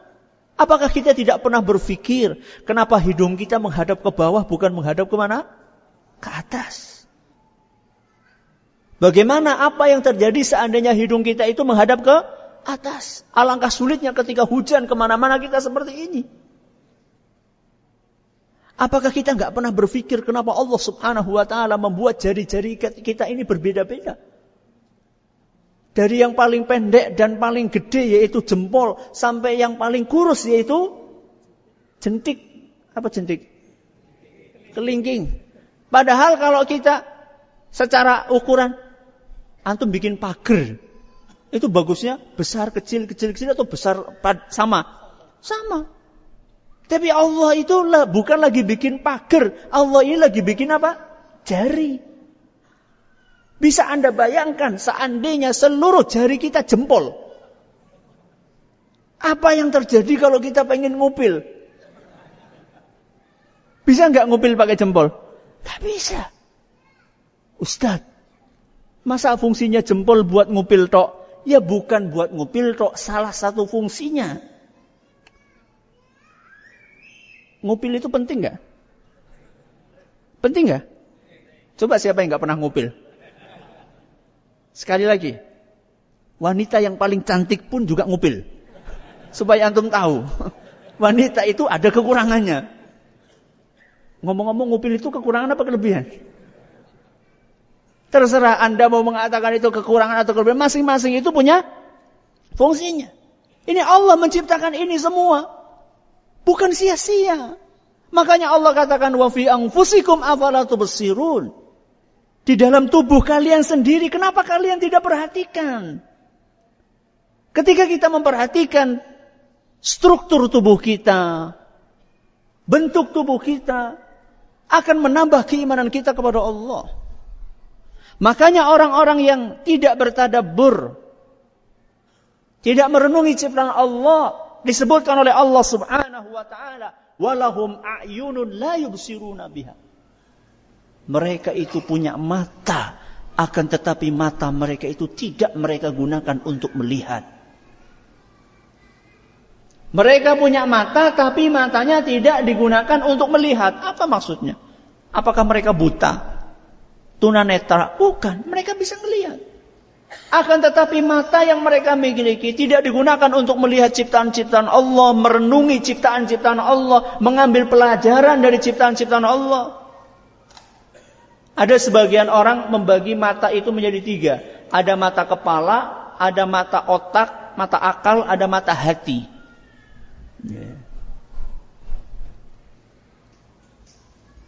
Ada sebagian orang menggunakan cuma mata mata kepalanya saja.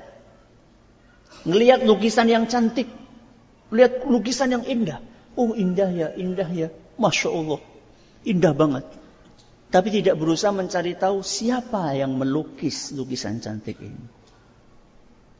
Atau makan makanan yang enak, pengennya cuma menghabiskan, nggak memikirkan bagaimana yang masak itu bisa membuat masakan seenak ini. Ketika kita melihat hijau-hijaunya hutan, ketika kita menggunakan mata kepala kita, kita akan, uh hijau banget, indah banget. Cuma itu saja. Itu mata apa? Kepala. Kalau mata otak gimana? Wah ini lumayan ini bisa dibikin apa? Kursi, meja. Itu mata apa? Mata otak. Kalau mata hati bagaimana? Subhanallah. Subhanallah indah banget. Siapa yang bisa membuat pohon sedemikian indahnya? Dengan bunga-bunga yang begitu warna-warninya. Subhanallah. Siapa lagi kalau bukan Allah? Ini menggunakan mata hati. Melihat lautan. Orang yang melihat hanya dengan mata kepalanya dia uh amba banget ya. Luas banget, ya, cuma gitu aja. Uh, kalau saya kecemplung di sana gimana ya? Kalau yang pakai mata akal, wah laut itu pasti di dalamnya banyak mutiara itu lumayan itu duit. Kalau yang pakai mata hatinya, subhanallah. Begitu luasnya ciptaan Allah. Kalau aku ini dibandingkan lautan ini, seberapa kecilnya aku. Padahal itu baru satu lautan. Dan di dunia ini banyak lautan. Dan lautan itu salah satu ciptaannya Allah. Berarti Allah jauh lebih besar dibandingkan lautan, apalagi dibandingkan diriku. Ini orang melihat dengan mata apa? Dengan mata hatinya. Dan Rasulullah Sallallahu Alaihi Wasallam mengajarkan kepada kita agar kita ini merenungi apa yang ada di sekeliling kita. Pernah dengar ya ketika Rasulullah SAW menyebutkan lallahu ashaddu farahan bi taubati abdihi Allah itu gembira, senang sekali dengan taubat hambanya. Melebihi senangnya seseorang yang kehilangan apa? Kehilangan onta berikut perbekalannya. Pernah dengar? Ini Rasulullah SAW. Ini hadis disebutkan dalam riwayat Muslim. Rasulullah ini sebenarnya, wallahu a'lam bishawab, lagi ngajak kita untuk merenungi kejadian real di dalam kehidupan kita sehari-hari. Beliau ngasih contoh onta karena memang saat itu belum ada mobil. Ya. Nabi itu ngasih contoh dengan sesuatu yang dihadapi oleh masyarakatnya. Bukan dengan sesuatu yang belum mereka ketahui di awang-awang. Ya. Ngasih perumpamaan dengan sesuatu yang ada di sekelilingnya. Contohnya ini ada orang melakukan perjalanan ke tengah padang pasir karena kecapean akhirnya dia istirahat di bawah sebuah pohon. Begitu dia istirahat karena saking nyenyaknya bangun-bangun dia terbangun kaget ternyata onta dan seluruh perbekalan yang ada di atas onta itu tahu-tahu pergi hilang ontanya. Sudah dia wah Luar biasa sedihnya dia. Dia cari ke sana nggak ketemu, kemari nggak ketemu, ke sana kemari nggak ketemu juga. Apa yang dia lakukan? Akhirnya dia duduk termenung menanti apa? Menanti ajal sudah. Kehausan, kelaparan, sudah nggak ada lagi bekalnya. Semua bekal itu sudah dibawa oleh ontanya pergi. Ketiga dalam keadaan putus asa tadi, tahu-tahu mak tungul Ontaknya apa? Datang lengkap 100% dengan isinya. Antum bisa bayangkan senangnya kayak apa? Kalau orang Jogja mengatakan senang banget tuh gimana? Kalau orang Jawa Timur mengatakan apa? Suweneng. Itu orang Jawa Timur. Kalau orang Jogja apa? Antum nggak pernah seneng banget ya? Ini kayaknya wajah-wajah orang-orang nggak pernah seneng apa? Kalau kami di sana seneng banget gitu.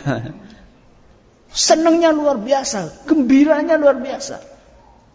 Kemudian Nabi SAW kasih perumpamaan itu, lalu Nabi kaitkan dengan bagaimana kita mengenal Allah.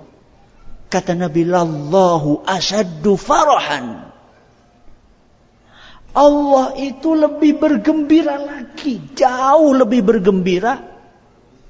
Manakala mendengar ada hambanya yang taubat kepadanya.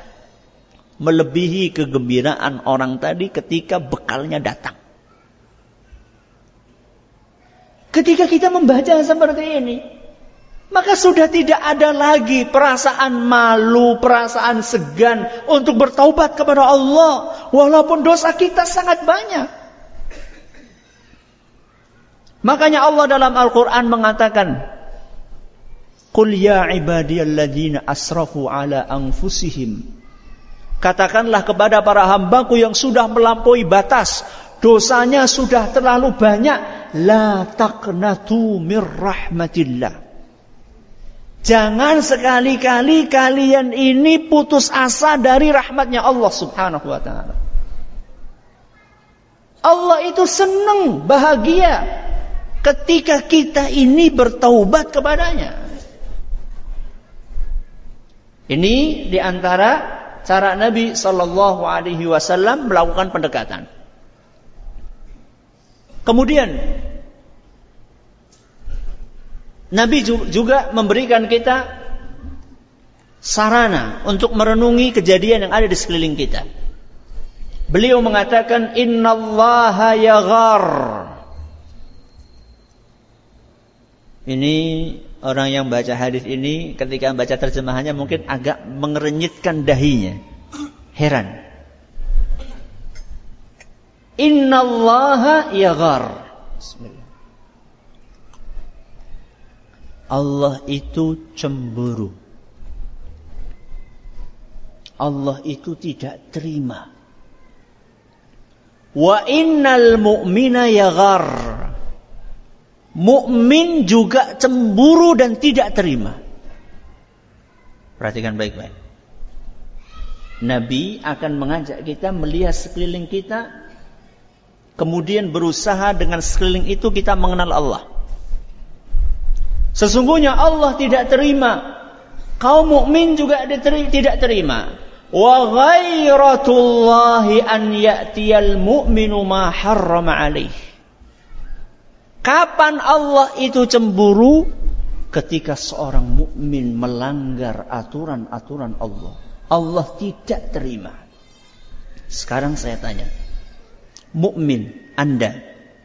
Kapan Anda cemburu dan tidak terima? Contoh, ketika istri Anda di apa? Diganggu, digoda. Terima jenengan? Terima enggak? Enggak terima. Bahkan kalau perlu ya mau apa namanya?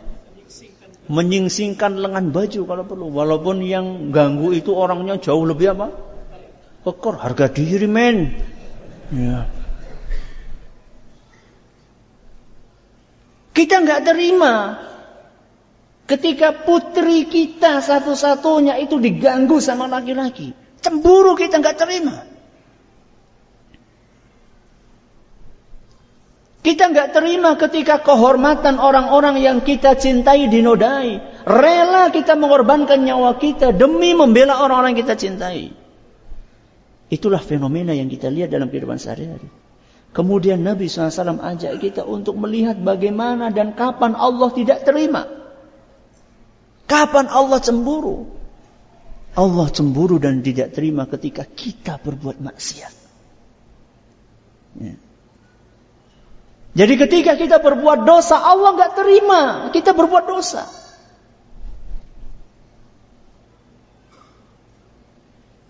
Sebagaimana kita tidak terima ketika kita melihat orang-orang yang kita cintai itu diganggu dan dinodai kehormatannya. Ini adalah salah satu bentuk tadabbur dari ayat-ayat yang sifatnya apa tadi? Kauniyah. Masih banyak ini panjang sekali kalau bahas masalah kauniyah Allah Azza wa Jalla. Kita berpindah ke poin berikutnya. Apa saja yang perlu dikenal dari Allah Azza wa Jalla? Ini poin sebelum terakhir. Tapi poinnya panjang. Dan sering dibahas. Makanya saya tidak akan berpanjang lebar. Ringkasnya, yang perlu dikenal dari Allah sekurang-kurangnya empat. Yang pertama, kita perlu mengenal Allah itu ada. Sudah ditulis? Perlu mengenal bahwa Allah itu ada. Yang kedua, kita perlu mengenal tulis aja dulu nanti saya jelaskan rububiyahnya Allah. Kita perlu mengenal rububiyahnya Allah. Kemudian yang ketiga, kita perlu mengenal apa? Uluhiyahnya Allah. Dan yang keempat, kita perlu mengenal nama-nama dan sifat-sifatnya Allah. Sering dengar ini? Sering, ya. Makanya karena sudah sering, maka saya tidak akan berpanjang lebar. Ya, yang pertama mengenal keberadaan Allah. Allah itu ada. Itu sudah fitrah. Itu sudah fitrah yang Allah tanamkan di dalam diri kita. Bahwa Allah itu ada. Makanya pernah imam, kalau nggak salah imam Abu Hanifah, berdebat dengan seorang ateis. Orang ateis itu orang yang apa? tidak percaya adanya Allah, tidak adanya tidak percaya dengan adanya Tuhan. Orang ateis itu nggak percaya alam semesta ini ada yang ngatur, nggak ada. Ini alam semesta jalan sendiri kata dia. Otomatis sudah jalan sendiri. Kemudian Imam Abu Hanifah, beliau orang yang terkenal rasionya itu tajam, ya, logikanya itu main Imam Abu Hanifah. Makanya kias beliau itu luar biasa. Ya. Beliau mengatakan kepada orang ateis tadi, eh, kemarin katanya ada kapal, ada perahu, nyebrang dari tepi sungai sana menuju tepi sungai sana. ngangkut muatan, bongkar muatan. Dan nggak ada pengemudinya. Nggak ada pengemudi, nggak ada pengemudi perahu tadi, alias nggak ada orangnya. Jadi perahunya ke sana ngambil muatan, sayur, apa, beras, terus sampai ke sana kemudian nurunin sendiri. Katanya kemarin ada perahu kayak gitu. Ceritanya Imam Abu Hanifah kepada siapa? kepada ateis tadi. Apa kata ateis, tadi? Ramungkin Thomas, mas. Itu bahasa saya. Ya. Gak mungkin Abu Hanifah. Itu mustahil. Ente katanya itu ahli rasio. Itu nggak masuk, itu nggak rasional itu. Masa ada kapal, bong ambil muatan, bongkar muatan sendiri, jalan sendiri, nggak ada yang nggak mungkin itu mustahil. Kata Imam Abu Hanifah, sekecil itu Anda katakan mustahil untuk pindah-pindah-pindah kalau nggak ada yang ngatur. Kemudian Anda katakan alam semesta yang sedemikian besar ini nggak ada yang ngatur. Lebih mustahil mana kata dia? Lebih mustahil mana kapal yang sedemikian kecil tanpa pengatur dengan alam semesta yang sebesar ini tanpa pengatur. Langsung dia senjata makan makan Tuhan, nggak bisa ngomong. Mengenal keberadaan Allah. Allah itu ada. Yang kedua adalah mengenal rububiyah Allah. Apa itu rububiyah Allah? Kita meyakini bahwa Allah adalah satu-satunya pen pencipta. Allah satu-satunya pemberi rizki. Allah satu-satunya yang mengatur alam semesta ini. Itu artinya mengenal rububiyah Allah bahwa yang bau rekso gunung Merapi itu siapa? Allah. Yang menguasai laut selatan itu siapa? Allah. Yang ngatur bumi ini adalah Allah, semuanya Allah. Itu namanya mengimani apa? Rububiyah. Dan yang ketiga apa tadi? uluhiyah Allah, mengenali uluhiyah Allah. Artinya bahwa Allah satu-satunya yang berhak untuk disembah. Itu artinya uluhiyah. Kita harus paham, kita harus kenal bahwa satu-satunya zat yang berhak untuk kita sembah yang kita serahkan ibadah kita kepada dia adalah Allah, tidak ada yang lainnya. Makanya di dalam Al-Quran Allah berfirman, alal hayyil ladzi la yamut. Bertawakallah kalian kepada yang maha hidup yang tidak akan mati. Apa? Yang maha hidup yang tidak akan mati. Siapa itu? Allah. Makhluk itu kalau diklasifikasikan menjadi tiga. Yang pertama, makhluk hidup yang masih hidup. Apa yang pertama? Makhluk hidup yang masih hidup. Contohnya siapa? Kulo kali jenengan. Makhluk hidup yang masih hidup. Yang kedua, mantan makhluk hidup. Siapa itu? Kuburan. Orang yang dikubur. Para mayit. Itu mantan makhluk hidup. Yang ketiga siapa?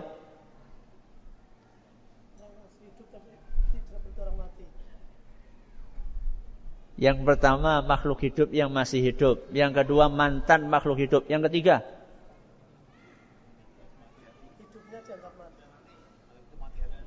benda mati. Apa?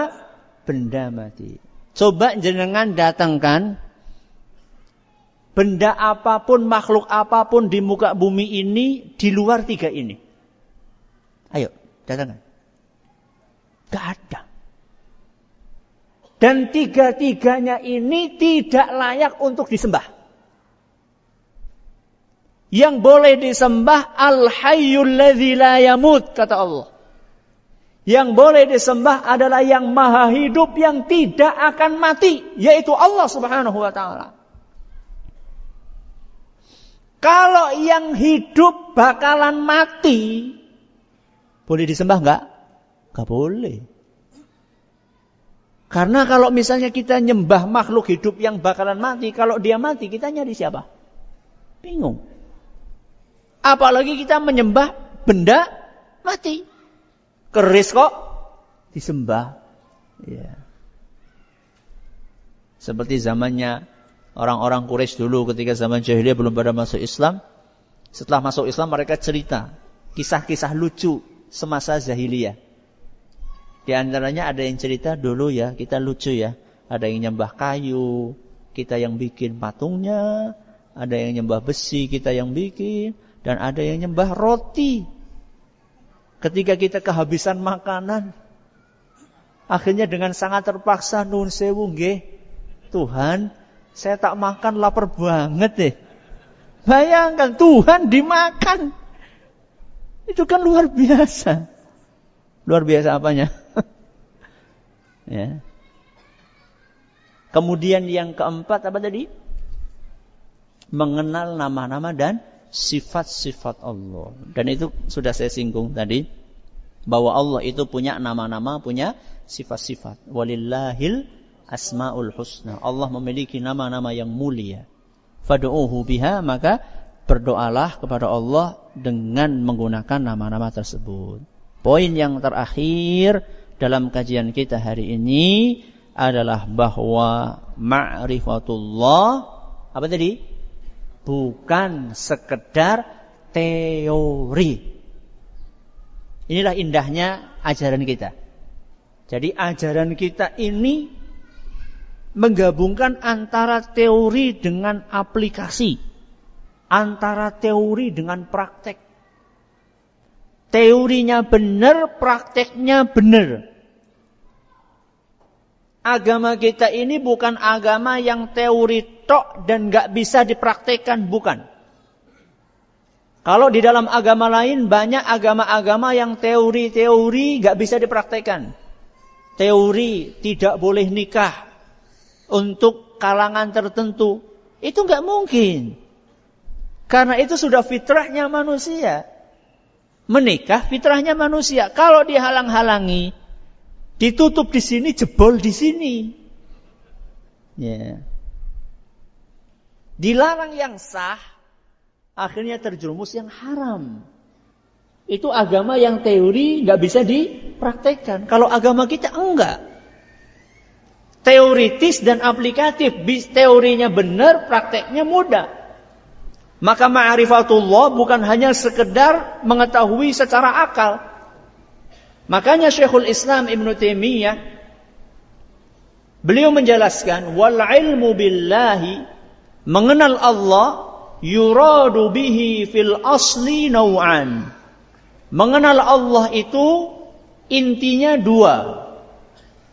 Ahaduhuma yang pertama Al-ilmu bihi nafsihi.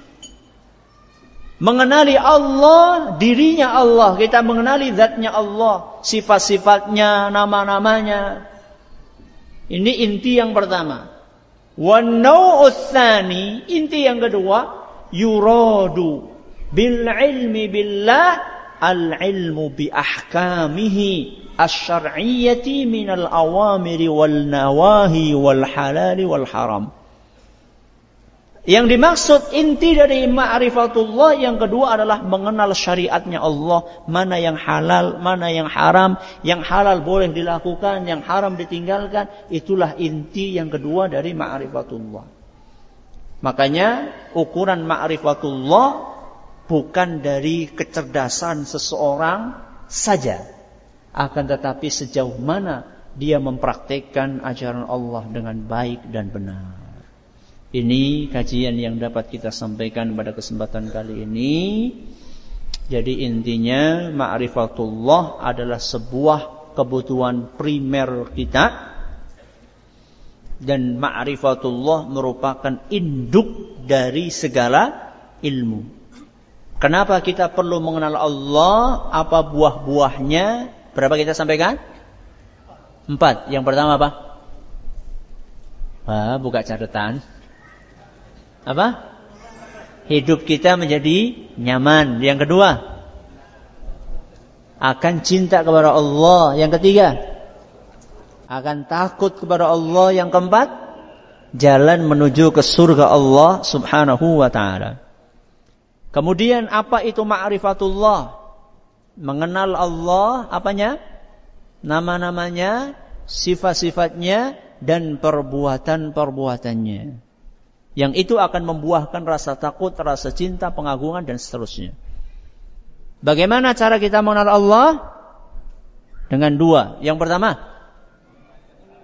menging ah.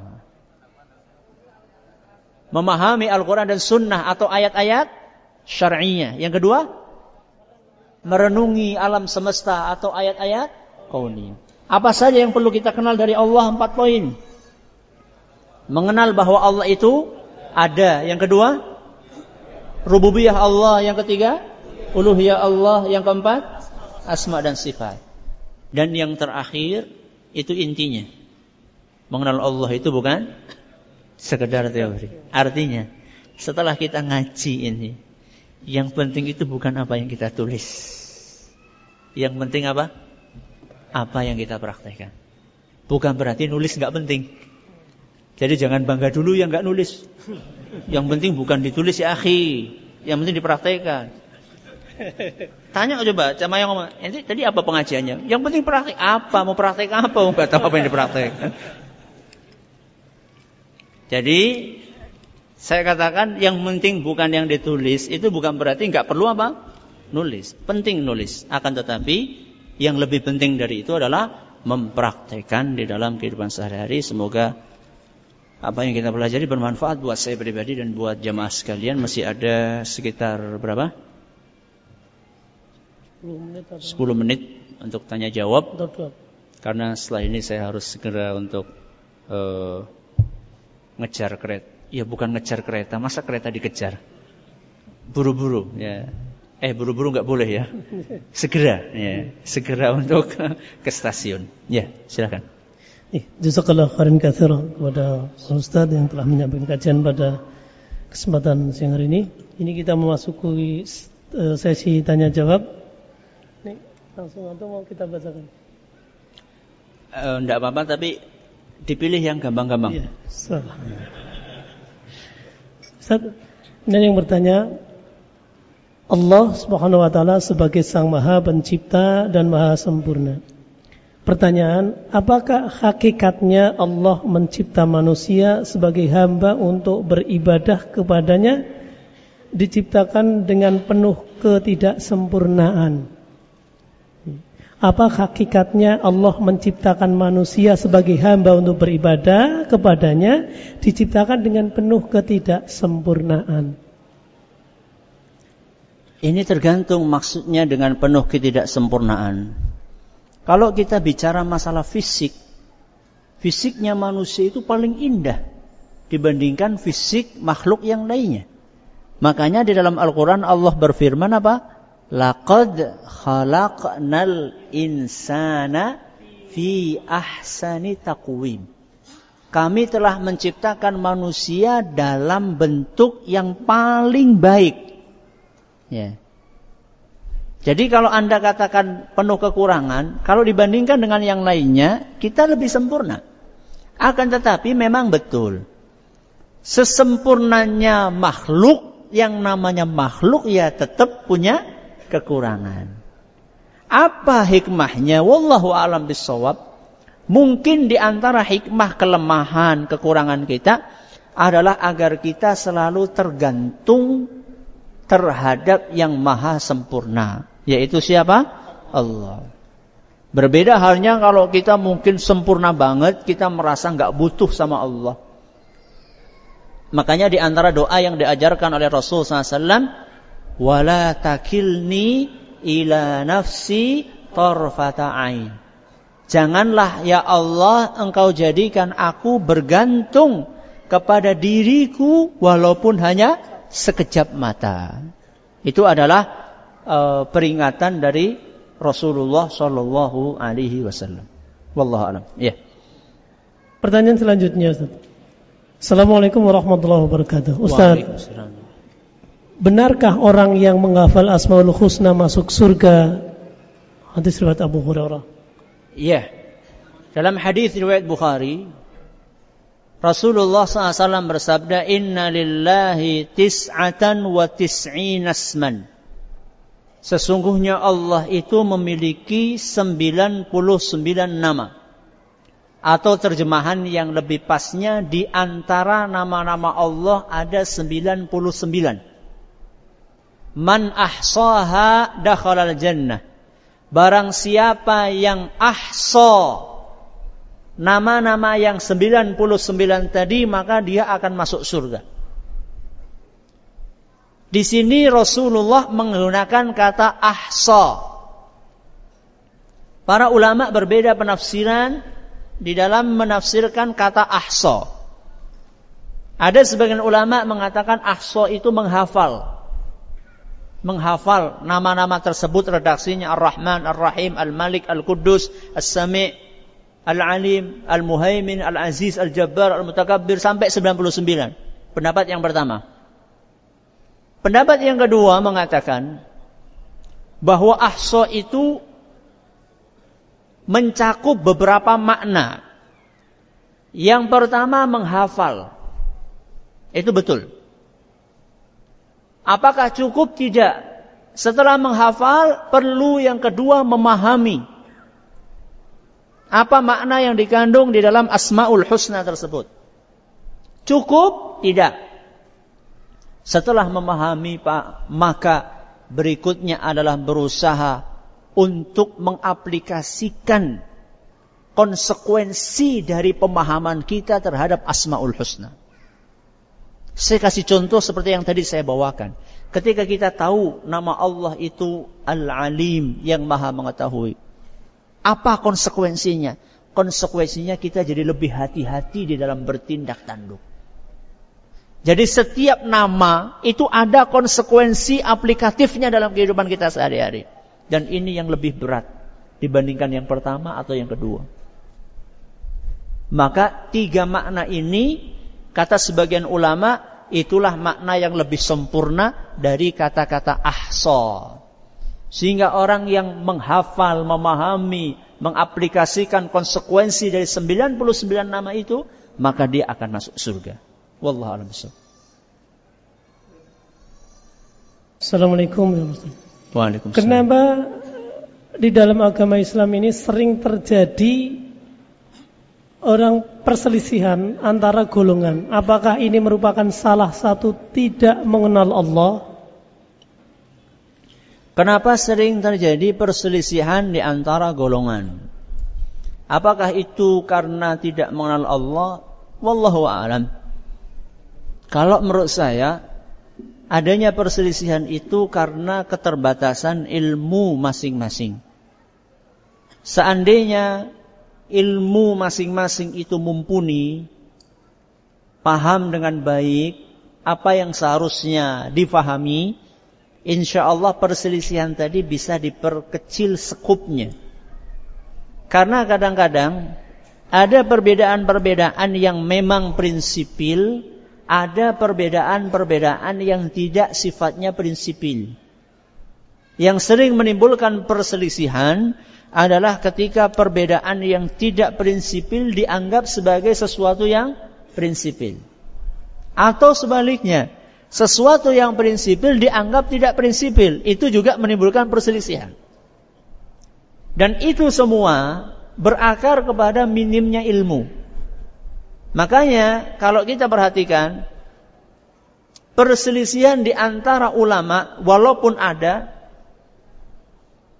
sekupnya lebih sempit dibandingkan perselisihan di antara awam. Perselisihan di antara ulama ada. Saya tidak menafikan itu ada. Akan tetapi lebih kecil sekupnya dibandingkan di antara awam. Dan biasanya para ulama bisa lebih dewasa di dalam menyikapi sebuah perbedaan dibandingkan orang yang awam. Kenapa? Karena ulama lebih luas ilmunya. Sedangkan orang awam itu lebih sedikit ilmunya. Maka wallahu alam bisawab, kenapa banyak timbul persisian antara golongan? Karena minimnya ilmu. Wallahu alam. Ya. Untuk pertanyaan yang tadi sudah saya bacakan silakan ambil hadiahnya. Ini untuk mbah yang paling sepuh tadi. Monggo, Mbah siapa tadi? Jay. Mbah Jayadi. Mbah Jayadi. Ini tadi yang sudah kami bacakan mau bisa ambil hadiahnya. Selanjutnya Ustaz. Apabila seorang hakim berijtihad berijtihad untuk menentukan hukum suatu perkara, maka bila ijtihad itu benar, ia mendapat dua pahala. Dan jika salah mendapat satu pahala. Hadis ini sering dipakai sebagai hujah bahwa semua madhab boleh diikuti dan tetap mendapat pahala. Bagaimana menurut Ustaz? Ya, mendapat pahala buat mereka yang beristihad mendapat pahala buat mereka yang beristihad. Adapun kita yang tidak memungkinkan untuk beristihad, maka ranah kita itu adalah ranah yang diistilahkan oleh para ulama dengan ranah taklid. Jadi taklid itu tidak mutlak tercela. Taklid itu tercela apabila taklidnya taklid buta. Dan orang yang bertaklid masih bisa untuk tidak bertaklid, tapi dia tetap bertaklid. Itu tercela. Kalau orang yang memang tidak bisa kecuali taklid, taklid itu ya ingikut. Ya. Kalau orang yang tidak bisa kecuali taklid kepada ulama, Dan dia taklidnya bukan taklid buta, tapi taklid sambil mengetahui oh si fulan ini mengamalkan ini ada dalilnya. Ya. Kalau itu maka tidak tercela. Bahkan para ulama kita dari dulu mengatakan awamun nas, orang awam itu ya caranya mereka taklid. Ya, jalan mereka taklid. Taklid itu buat orang awam adalah salah satu makna dari firman Allah fas'alu ahla dzikri in kuntum la ta'lamun.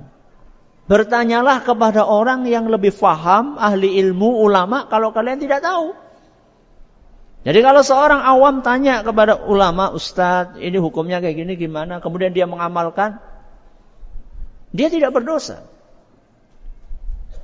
Nah tadi kalau yang dimaksud adalah setiap madhab benar, tidak. Setiap madhab itu ada salahnya, ada benernya. Yang tidak ada salahnya adalah Al-Quran dan sunnah Nabi SAW. Maka bagi siapa yang bisa memilah memilih beristihad mana yang benar mana yang salah, punya alat untuk itu, maka silahkan Anda memilih yang lebih rojih, lebih kuat. Tapi kalau Anda tidak punya alat untuk membeda-bedakan alias ilmu agamanya minim, maka silahkan Anda melakukan taklid. Wallahu a'lam bishawab. Dan dalam taklid memilih orang yang dianggap paling alim. Jadi taklid itu bukan sembarangan asal nemu di pinggir jalan taklid. Enggak. Ya, taklid kepada orang yang memang Anda anggap paling berilmu. Ya. Bagaimana mensikapi ketika ketika sedang malas melakukan ketaatan kepada Allah agar tidak merasa bahwa kemalasan itu adalah sesuatu yang wajar karena sering kali mendengarkan dalil naik dan turunnya, turunnya keimanan seseorang. Jangan kemudian untuk melegalkan kemalasannya tersebut. Ya. Ketika kemalasan itu datang menyapa atau istilahnya futur. Ya, istilahnya apa? Futur buat para aktivis dakwah istilahnya futur. Ini anak lagi futur nih. Inti kenapa nggak ngaji, akhi? Lagi futur.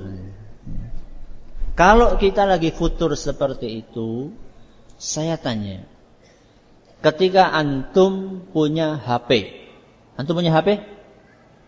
Punya? Punya. Kalau HP-nya mau ngedrop baterainya, apa yang antum lakukan? Cas. Itulah seharusnya yang dilakukan. Kalau antum lagi futur, seharusnya di dicas. Ngecasnya apa? Ngaji, beribadah, zikir, baca Quran. Sungguh aneh sebagian orang ketika diajak ngaji nggak mau alasannya sedang futur.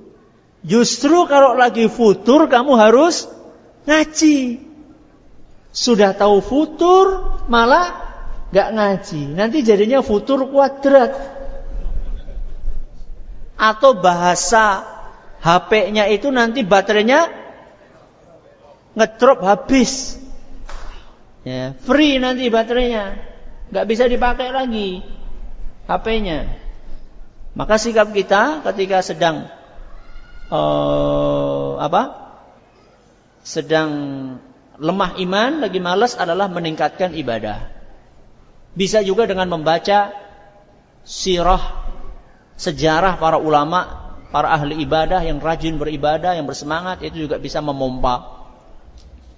Terus kalau dikatakan turun imannya seseorang itu kan wajar. Betul, wajar adanya, tapi bukan berarti dibiarkan. Bukan berarti dibiarkan.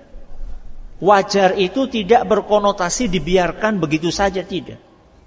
Wajar itu artinya bahwa itu mungkin dan sangat mungkin terjadi. Tapi bukan berarti kita pasrah. Seperti misalnya kita mendengar Nabi bersabda, umat Islam akan terpecah menjadi sekian puluh golongan. Apa kemudian kita melihat perpecahan? Udahlah, wajar itu, gak usah di apa? Gak usah di, gak usah diusahakan untuk bersatu, enggak. Di satu sisi Nabi menjelaskan umat Islam terpecah menjadi 73 golongan. Tapi di sisi lain Allah berfirman, "Wa'tasimu bihablillahi jami'an wa la tafarraqu." Berpegang teguhlah kalian dengan talinya Allah, jangan kalian bercerai-berai. Itu menunjukkan apa? Menunjukkan kita ini nggak boleh pasrah dengan keadaan. Itu realitanya seperti itu. Bahwa umat akan terpecah belah. Tapi kita nggak boleh menjadikan itu sebagai dalih untuk mempertahankan perpecahan. Sebagaimana tuh naik turunnya iman itulah sesuatu keniscayaan. Akan tetapi kita tidak boleh menjadikan itu sebagai alasan untuk membiarkan iman kita tetap turun. Wallahu Satu lagi mungkin. Ini satu lagi, ini pertanyaan masih banyak tapi waktunya sudah menjelang dur dan beliau nanti segera ke stasiun. Ustaz, kata bapak saya, dulu kakek saya ada kesepakatan dengan jin. Kebun dan rumah ditunggu oleh jin. Setelah kakek meninggal, jin tersebut mengganggu anak turunnya. Dari empat bersaudara, dua laki-laki sedikit gila dan satu perempuannya tidak punya keturunan. Alhamdulillah bapak anak merantau e, jadi tidak diganggu oleh jin tersebut. Dan saya dilarang datang ke rumah warisan karena takut diganggu oleh jin. Bagaimana saya menanggapi kasus tersebut? Perlu Anda sadari pertama kali bahwa perjanjian kakek Anda dengan jin itu keliru. Perjanjian kakek Anda, kalau memang itu betul adanya, itu keliru. Karena di dalam Al-Quran, Allah subhanahu wa ta'ala ketika menjelaskan manusia yang minta bantuan jin, kata Allah, fazaduhum rahaqa Jin itu akan membuat manusia semakin kesulitan dan keberatan. Makanya tidak ada persekutuan dengan apa? Jin. Jadi nggak usah membuat perhimpunan jin manusia, nggak usah. Hmm, kalau bikin perhimpunan di antara manusia saja. Ya. Ini yang perlu Anda pahami pertama kali, bahwa itu keliru. Kalau keliru maka tidak perlu dilestarikan. Sesuatu yang keliru kok dipertahankan? Buat apa? Terus bagaimana Ustadz? Kalau Anda mau tinggal di situ, tidak apa-apa. Tinggal Anda amalkan amalan-amalan yang diajarkan oleh Rasul SAW. Ketika menempati suatu tempat, mengucapkan apa? A'udhu bikalimatillahi tammati min syarri ma khalaq. Kemudian sering dibacakan Al-Quran, apalagi surat Al-Baqarah. Ketika masuk ke rumah, baca bismillah dan salam. Ketika sore hari, uh, menutupi apa namanya?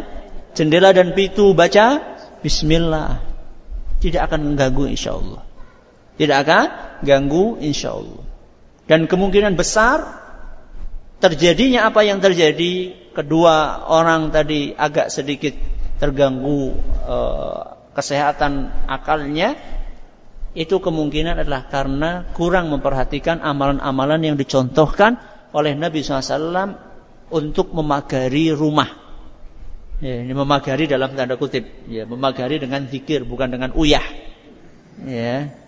Tapi dengan zikir kepada Allah, dengan mengamalkan tuntunan Allah, menghidupkan rumah dengan beribadah terutama ibadah sunnah nyopot gambar-gambar makhluk bernyawa. Itu semuanya lah yang dicontohkan oleh Nabi kita Muhammad Sallallahu Alaihi Wasallam. Semoga bermanfaat. Terima kasih atas perhatiannya, menurut atas segala kurangnya. Subhanakallahumma bihamdik asyhadu an ilaha illa anta Assalamualaikum warahmatullahi wabarakatuh.